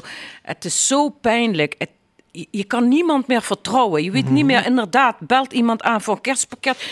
Dan sta je al van, oh, wie komt nu? En echt, wie, wie bent u? Ja, je, hebt, je hebt toen getuigd voor Getuig, een eh, parlementaire ja. enquêtecommissie. Enquête, hè? ja. En dat heb ik echt, echt geweten. Nou, Nee. nog steeds. En we komen ja, we komen nergens meer. Dus iemand met een andere mening of iemand die een andere inzicht, zoals nu, eh, even terug naar OMT. Ze, ze vertellen iets en dat is een advies. En als je niet mee eens bent, prima, dat kan. Mhm. Maar om iemand anders te gaan bedreigen is echt zorgelijk en pijnlijk. En ik weet wat die mensen voelen. Je, je voelt je nergens meer veilig. Je gaat nergens meer naartoe. Zelfs in een gewone buurtsupermarkt zou dat die iets hebben geschreven. En het is zo verschrikkelijk. Dus het moet echt, echt serieus. De minister die heeft gezegd, ja, dat is niet te doen. Hij moet met iets komen. Hij moet echt die mensen goed aanpakken, flink aanpakken. En die anderen echt goed beschermen. Want als je radicalen zijn daar, in, in alles, hè, in religies, in, in, in complotdenken, en overal zijn daar. Zelfs mijn buren, als ze niet met me eens zijn, die gaan met alles gooien. Maar de- die mensen moeten geholpen worden en die anderen moeten beschermd worden. Want het is niet zomaar, oh ja, dat is op social media. Ja, wat doen we eraan? Niks. Ga aangifte doen. Wat, wat, tegen wie ga je aangifte doen? Wat, wat ga je doen? Je bent echt machteloos. En ik vind het jammer als die mensen stoppen om onderzoeken te doen, om hun adviezen te geven en om ons te helpen. Dat vond ik heel spijtig en echt, echt ver gaan. En wat Mark zegt, inderdaad, wij lopen het debat. Het debat gaat stop. Daar kunnen we niet meer over praten. En we leven in een vrije Nederland. Ja, en dat zijn dan, Hoe verder? En dat zijn dan wetenschappers die dus hun werk doen gewoon. Hè? En alleen die, die vertellen iets waar je het dan niet mee eens bent. En dan ga je die boodschapper hè, ga je dan aanpakken persoonlijk. Ja. Maar jij, jij zegt, eh, je bent bedreigd een jaar geleden en dat, is, dat Ja, heeft bijna nu, een jaar, ja. dat heeft nu nog impact op Ja, jou. Zo ja. lang duurt het dus. Zo- Echt zo heel lang. En misschien na vandaag weer dat ik dan van... eh, ik, ik wil het niet te discussiëren, maar ik wil er ruzie aan die ander... Echt laten zien... Nee, dat, dat is verschrikkelijk. Voor een, ook. Ja. ook een minderjarig kind hè, op social media. Die worden zo gepest en zo eh, anti-moslim. Ik weet niet, afgevallen. En dat zou bij die mensen van de OMT ook zo zijn. En dan denk ik, ja, eh, daar heb ik ook Gert Wilders. Wat heeft hij allemaal niet op zijn hoofd gekregen? En dat moet stoppen. Het moet gewoon stoppen. Op een of andere manier. moet gewoon vrijdag stoppen. in de Limburg een interview met een medewerker van het ziekenhuis Roermond. Iemand die operaties plant, hè, wie Mhm. eerst en wie, wie moet wachten. Citaat, soms schelden ze je de huid vol en is er zelfs geen kort lontje meer. Ze schreeuwen dat we recht hebben op zorg, dat we een kutziekenhuis zijn en dat het virus allemaal onzin is. Ja, ja, doe je eraan. Wat doe je eraan? Ja, domheid is niks aan te doen. Ik kan Ja. het niet anders Nee. zeggen. Het spijt me. En als een van hun iets heeft, dan zijn ze in de eerste rij in het ziekenhuis en dan willen ze geholpen worden. Ja, er zijn veel Dat mensen is- die denken dat ze overal recht Ja. ergens op hebben. En dat is toch een ernstig misverstand, geloof ik. Hè? Nou ja, ik, ik denk wel dat je ergens recht op hebt, maar dat recht hebben we allemaal. Ja, ja. Dus je hebt niet als eerste het recht. Nee, dat bedoel ik. Ja. Delen. Maar, de, maar degene die dat recht bepaalt, daar zit vaak een soort rangorde in. En ik heb het ook wel eens meegemaakt dat ik eh, in de wachtkamer zat, eh, in de spoedeisende hulp. En dat mensen zeggen, en ik wil nu de dokter zien. En dan zeg ik, ja meneer, er zijn nog, kijk daar, de wachtkamer zit nog vol. Ja, maar ik wil er nu, nu wil ik, enzovoort. Dat je, ik denk, ja, die vent heeft gewoon een plank voor de kop. Maar daar werd dan heel omzichtig door de bewaking mee omgegaan. Maar ik had hem gewoon naar buiten geflikkerd. Kijk, je van vangt natuurlijk altijd eh, meer vliegen met, met stroop dan met, eh, met eh, azijn. Ja, Hoe ja. zeggen ze dat ook alweer? Dus ik, ik, ik heb ook wel eens, als je een beetje verbaal goed kunt praten, dan, dan, dan heb je vaker ook, krijg je ook vaker het voorrecht. Ja, dus maar de attitude zijn, van het dat is ik natuurlijk dat- ook ja. niet eerlijk. En het hele heerlijke, oneerlijke gevoel wordt ook gevoed. Het is natuurlijk een uitholling van het zorgsysteem. Is, we werken zo, alles moet, alles moet efficiënt, efficiënt, efficiënt. En als er dan ook maar één korreltje op de weg ligt, loopt de hele radere machine vast. Om dat zo te uiten ben ik het niet mee eens. Natuurlijk niet. Dat kun je niemand verwijten. Ja, je kunt, zou het iemand kunnen verwijten, maar, maar dan eh, heb je nog niet het recht om zo te, eh, te reageren. Ik vind, ik vind het... Maar er ja, ik natuurlijk wel een onderliggend probleem, eh, denk ik. Het is wel een signaal dat het zo verruwt. Hey, Ik zet, me, ik, me echt hard op te denken. We hebben voorstanders van corona en tegenstanders. Mensen die zeggen dat klopt, we houden me aan de regels. En mensen zeggen, waarom hebben die nooit elkaar opgezocht? Ik zie nergens geen debat, niet op televisie, nergens, dat de voor- en tegenstanders met elkaar een discussie gaan. Echt debatteren, Nee, officieel niet. discussiëren. Hè? Je ziet het wel nee. op Facebook, heb je van die, van die sites. Ja, maar maar eh, officieel zie je ze niet. Dus de ene gaat heel kwaad en boos en dreigend zijn mening geven. Dat is ook een mening. Hè? Die, die zeggen, ja, dat bestaat niet, dat mag, moet gerespecteerd worden. En die anderen zeggen, nee, die is er wel. Mijn buurman is daaraan overleden. Ik kan, moeder van een vriendin van mij is daaraan overleden. Dus ik, ik heb het wel van kort bij meegemaakt. Die is er wel. Dan breng die twee bij elkaar. De voor- en tegen... argumenten, zou zal ik maar zeggen. zin hebben? eh, Jazeker, dat verzacht een klein beetje. Maar heeft het zin om met mensen te discussiëren die zeggen dat de aarde plat is? Nee, ja, dat niet, dat helemaal niet, Ja. dat zeker niet. Maar kijk, mensen die zeggen dat bestaat niet, dan druk ze op de feiten. Kom eens kijken, laat ze bezoek brengen naar de ECT'ers. Naar mensen die echt die snakken naar adem. Volgens mij, dat is wat Rezi zegt. Er is niemand in de buurt die dat heeft gekregen. Dus wat gaan ze? Gaan ze schreeuwen, nee, dat bestaat niet. Want ik wil dat en ik wil op stap en ik wil zus en ik wil dat. Ja, jongeren precies hetzelfde. Die willen graag naar de universiteit. Nee, maar ja, goed, die dat is is een hele andere discussie. Hè? Dat is niet de discussie waar we het nu over hebben. Van bestaat het wel of bestaat het niet? Of Ja, maar- is het wel zo erg of is het niet zo erg? Ja, maar jij het wel sowieso voor een dialoog. Voor Ja, meer, voor eh, dialoog, dat wil ik zeggen. eh, maar niet et gaan bedreigen, niet gaan... Ja. Toch één vraagje. M- m- Hopen jullie op versoepeling van de regels met de feestdagen? Of zeggen jullie in godsnaam niet doen? Ik, ik zou inderdaad voor de laatste kiezen. Want ik heb zelf het idee doordat we met de, met, met de zomerreces eigenlijk eh, de, de touwtjes hebben laten vieren. Als we toen hadden doorgepakt, hadden we nou deze tweede golf niet gehad. Denk ik. Maar dat weet je niet. Dat weten we niet. Want nee. ik denk daar weer heel anders over. ik denk namelijk dat, eh, dat het in golven komt en gaat, net zoals elke eh, virus eh, golft. Dus ik zeg niet dat het er niet is, maar, maar, maar eh, de maatregelen, ja, nu moet, ja, we kunnen ook niet meer terug. Ze zijn ook ingezet, dus je- vind ik ook dat je je eraan moet houden. En of Ja, je het daar anders helemaal anders mee wordt de loper uitgelegd voor de derde golf natuurlijk. hè? Ja, En de ja, vierde. of Je niet, komt of wel, de derde komt wel. Komt zeker. Ander onderwerp. Eh, Thierry Baudet is door de leden van Forum voor Democratie gekozen tot partijleider. Opnieuw, alweer. Eh, maar ja, wat is er eigenlijk nog over van Forum? Eh, wat, is hij partijleider van, van de lege huls? Nee, ik denk niet. Dit is nou, hij is nou partijleider van de, van de nieuwe neofascistische organisatie in Nederland. Zo simpel is het nu gewoon. Ik bedoel, de stront is ingedikt. En eh, wat nu over is gebleven, dat zijn de ware adepten. Die dus inderdaad vinden dat de holocaust ja, flauwekul is. Hè, om over, over iets eh, te praten wat we, wat we gewoon ontkennen. Of dat je vindt dat, eh, dat de rechters allemaal corrupt zijn in Nederland. Of dat de elite hier alles domineert. Of dat de joden onze hele maatschappij verzieken. En hij heeft nu zeg maar gesteld dat hij de beschermer is van onze civilisatie. Dus ja, daar hebben we allemaal een keer gehoord hè, in de jaren dertig. Nou goed, prima. Ik denk dat, dat we nou een, een, een soort centrumdemocraat weer hebben. Een, een tweede Joep Glimmerveen. En ik vrees dat het Openbaar Ministerie hier wel eens een keer naar gaat kijken. Want er, eh, er is nu geen, eh, geen spatje Dat- dat eh, je, onduidelijkheid meer. niet, Dat hoop je toch? Nee, dat of- je dat- niet. nee, ik hoop dat- ik hoop dat, ja. Het geeft dus wel duidelijkheid. Ja, dat is- dat is wel. Ja. Ja. Ja, maar Ja. We, weten, we weten nog niet leider van welke partij. Want Forum voor Democratie, die, die is bijna niet meer. Hè? Amsterdam is helemaal af, eh, statenleden zijn weg, Europarlementariërs zijn weg. Dus partijleider van welke partij, dat is ook onduidelijk. Ja, en maar- daar zegt hij nou niks ja, over. Ja, maar is zal, nog- blijkbaar maar zal- 30.000 mensen hebben gestemd. Dus Ja, er dan- zijn wel nog leden die, die zich daar aan en daar ligt ook een rechtszaak tegen hem. Dus, eh. Maar z- Zou het lukken om eh, die lijst weer aangevuld te krijgen? Voor, ehm, dus ergens hal- medio december geloof ik moet hij die hebben ingeleverd.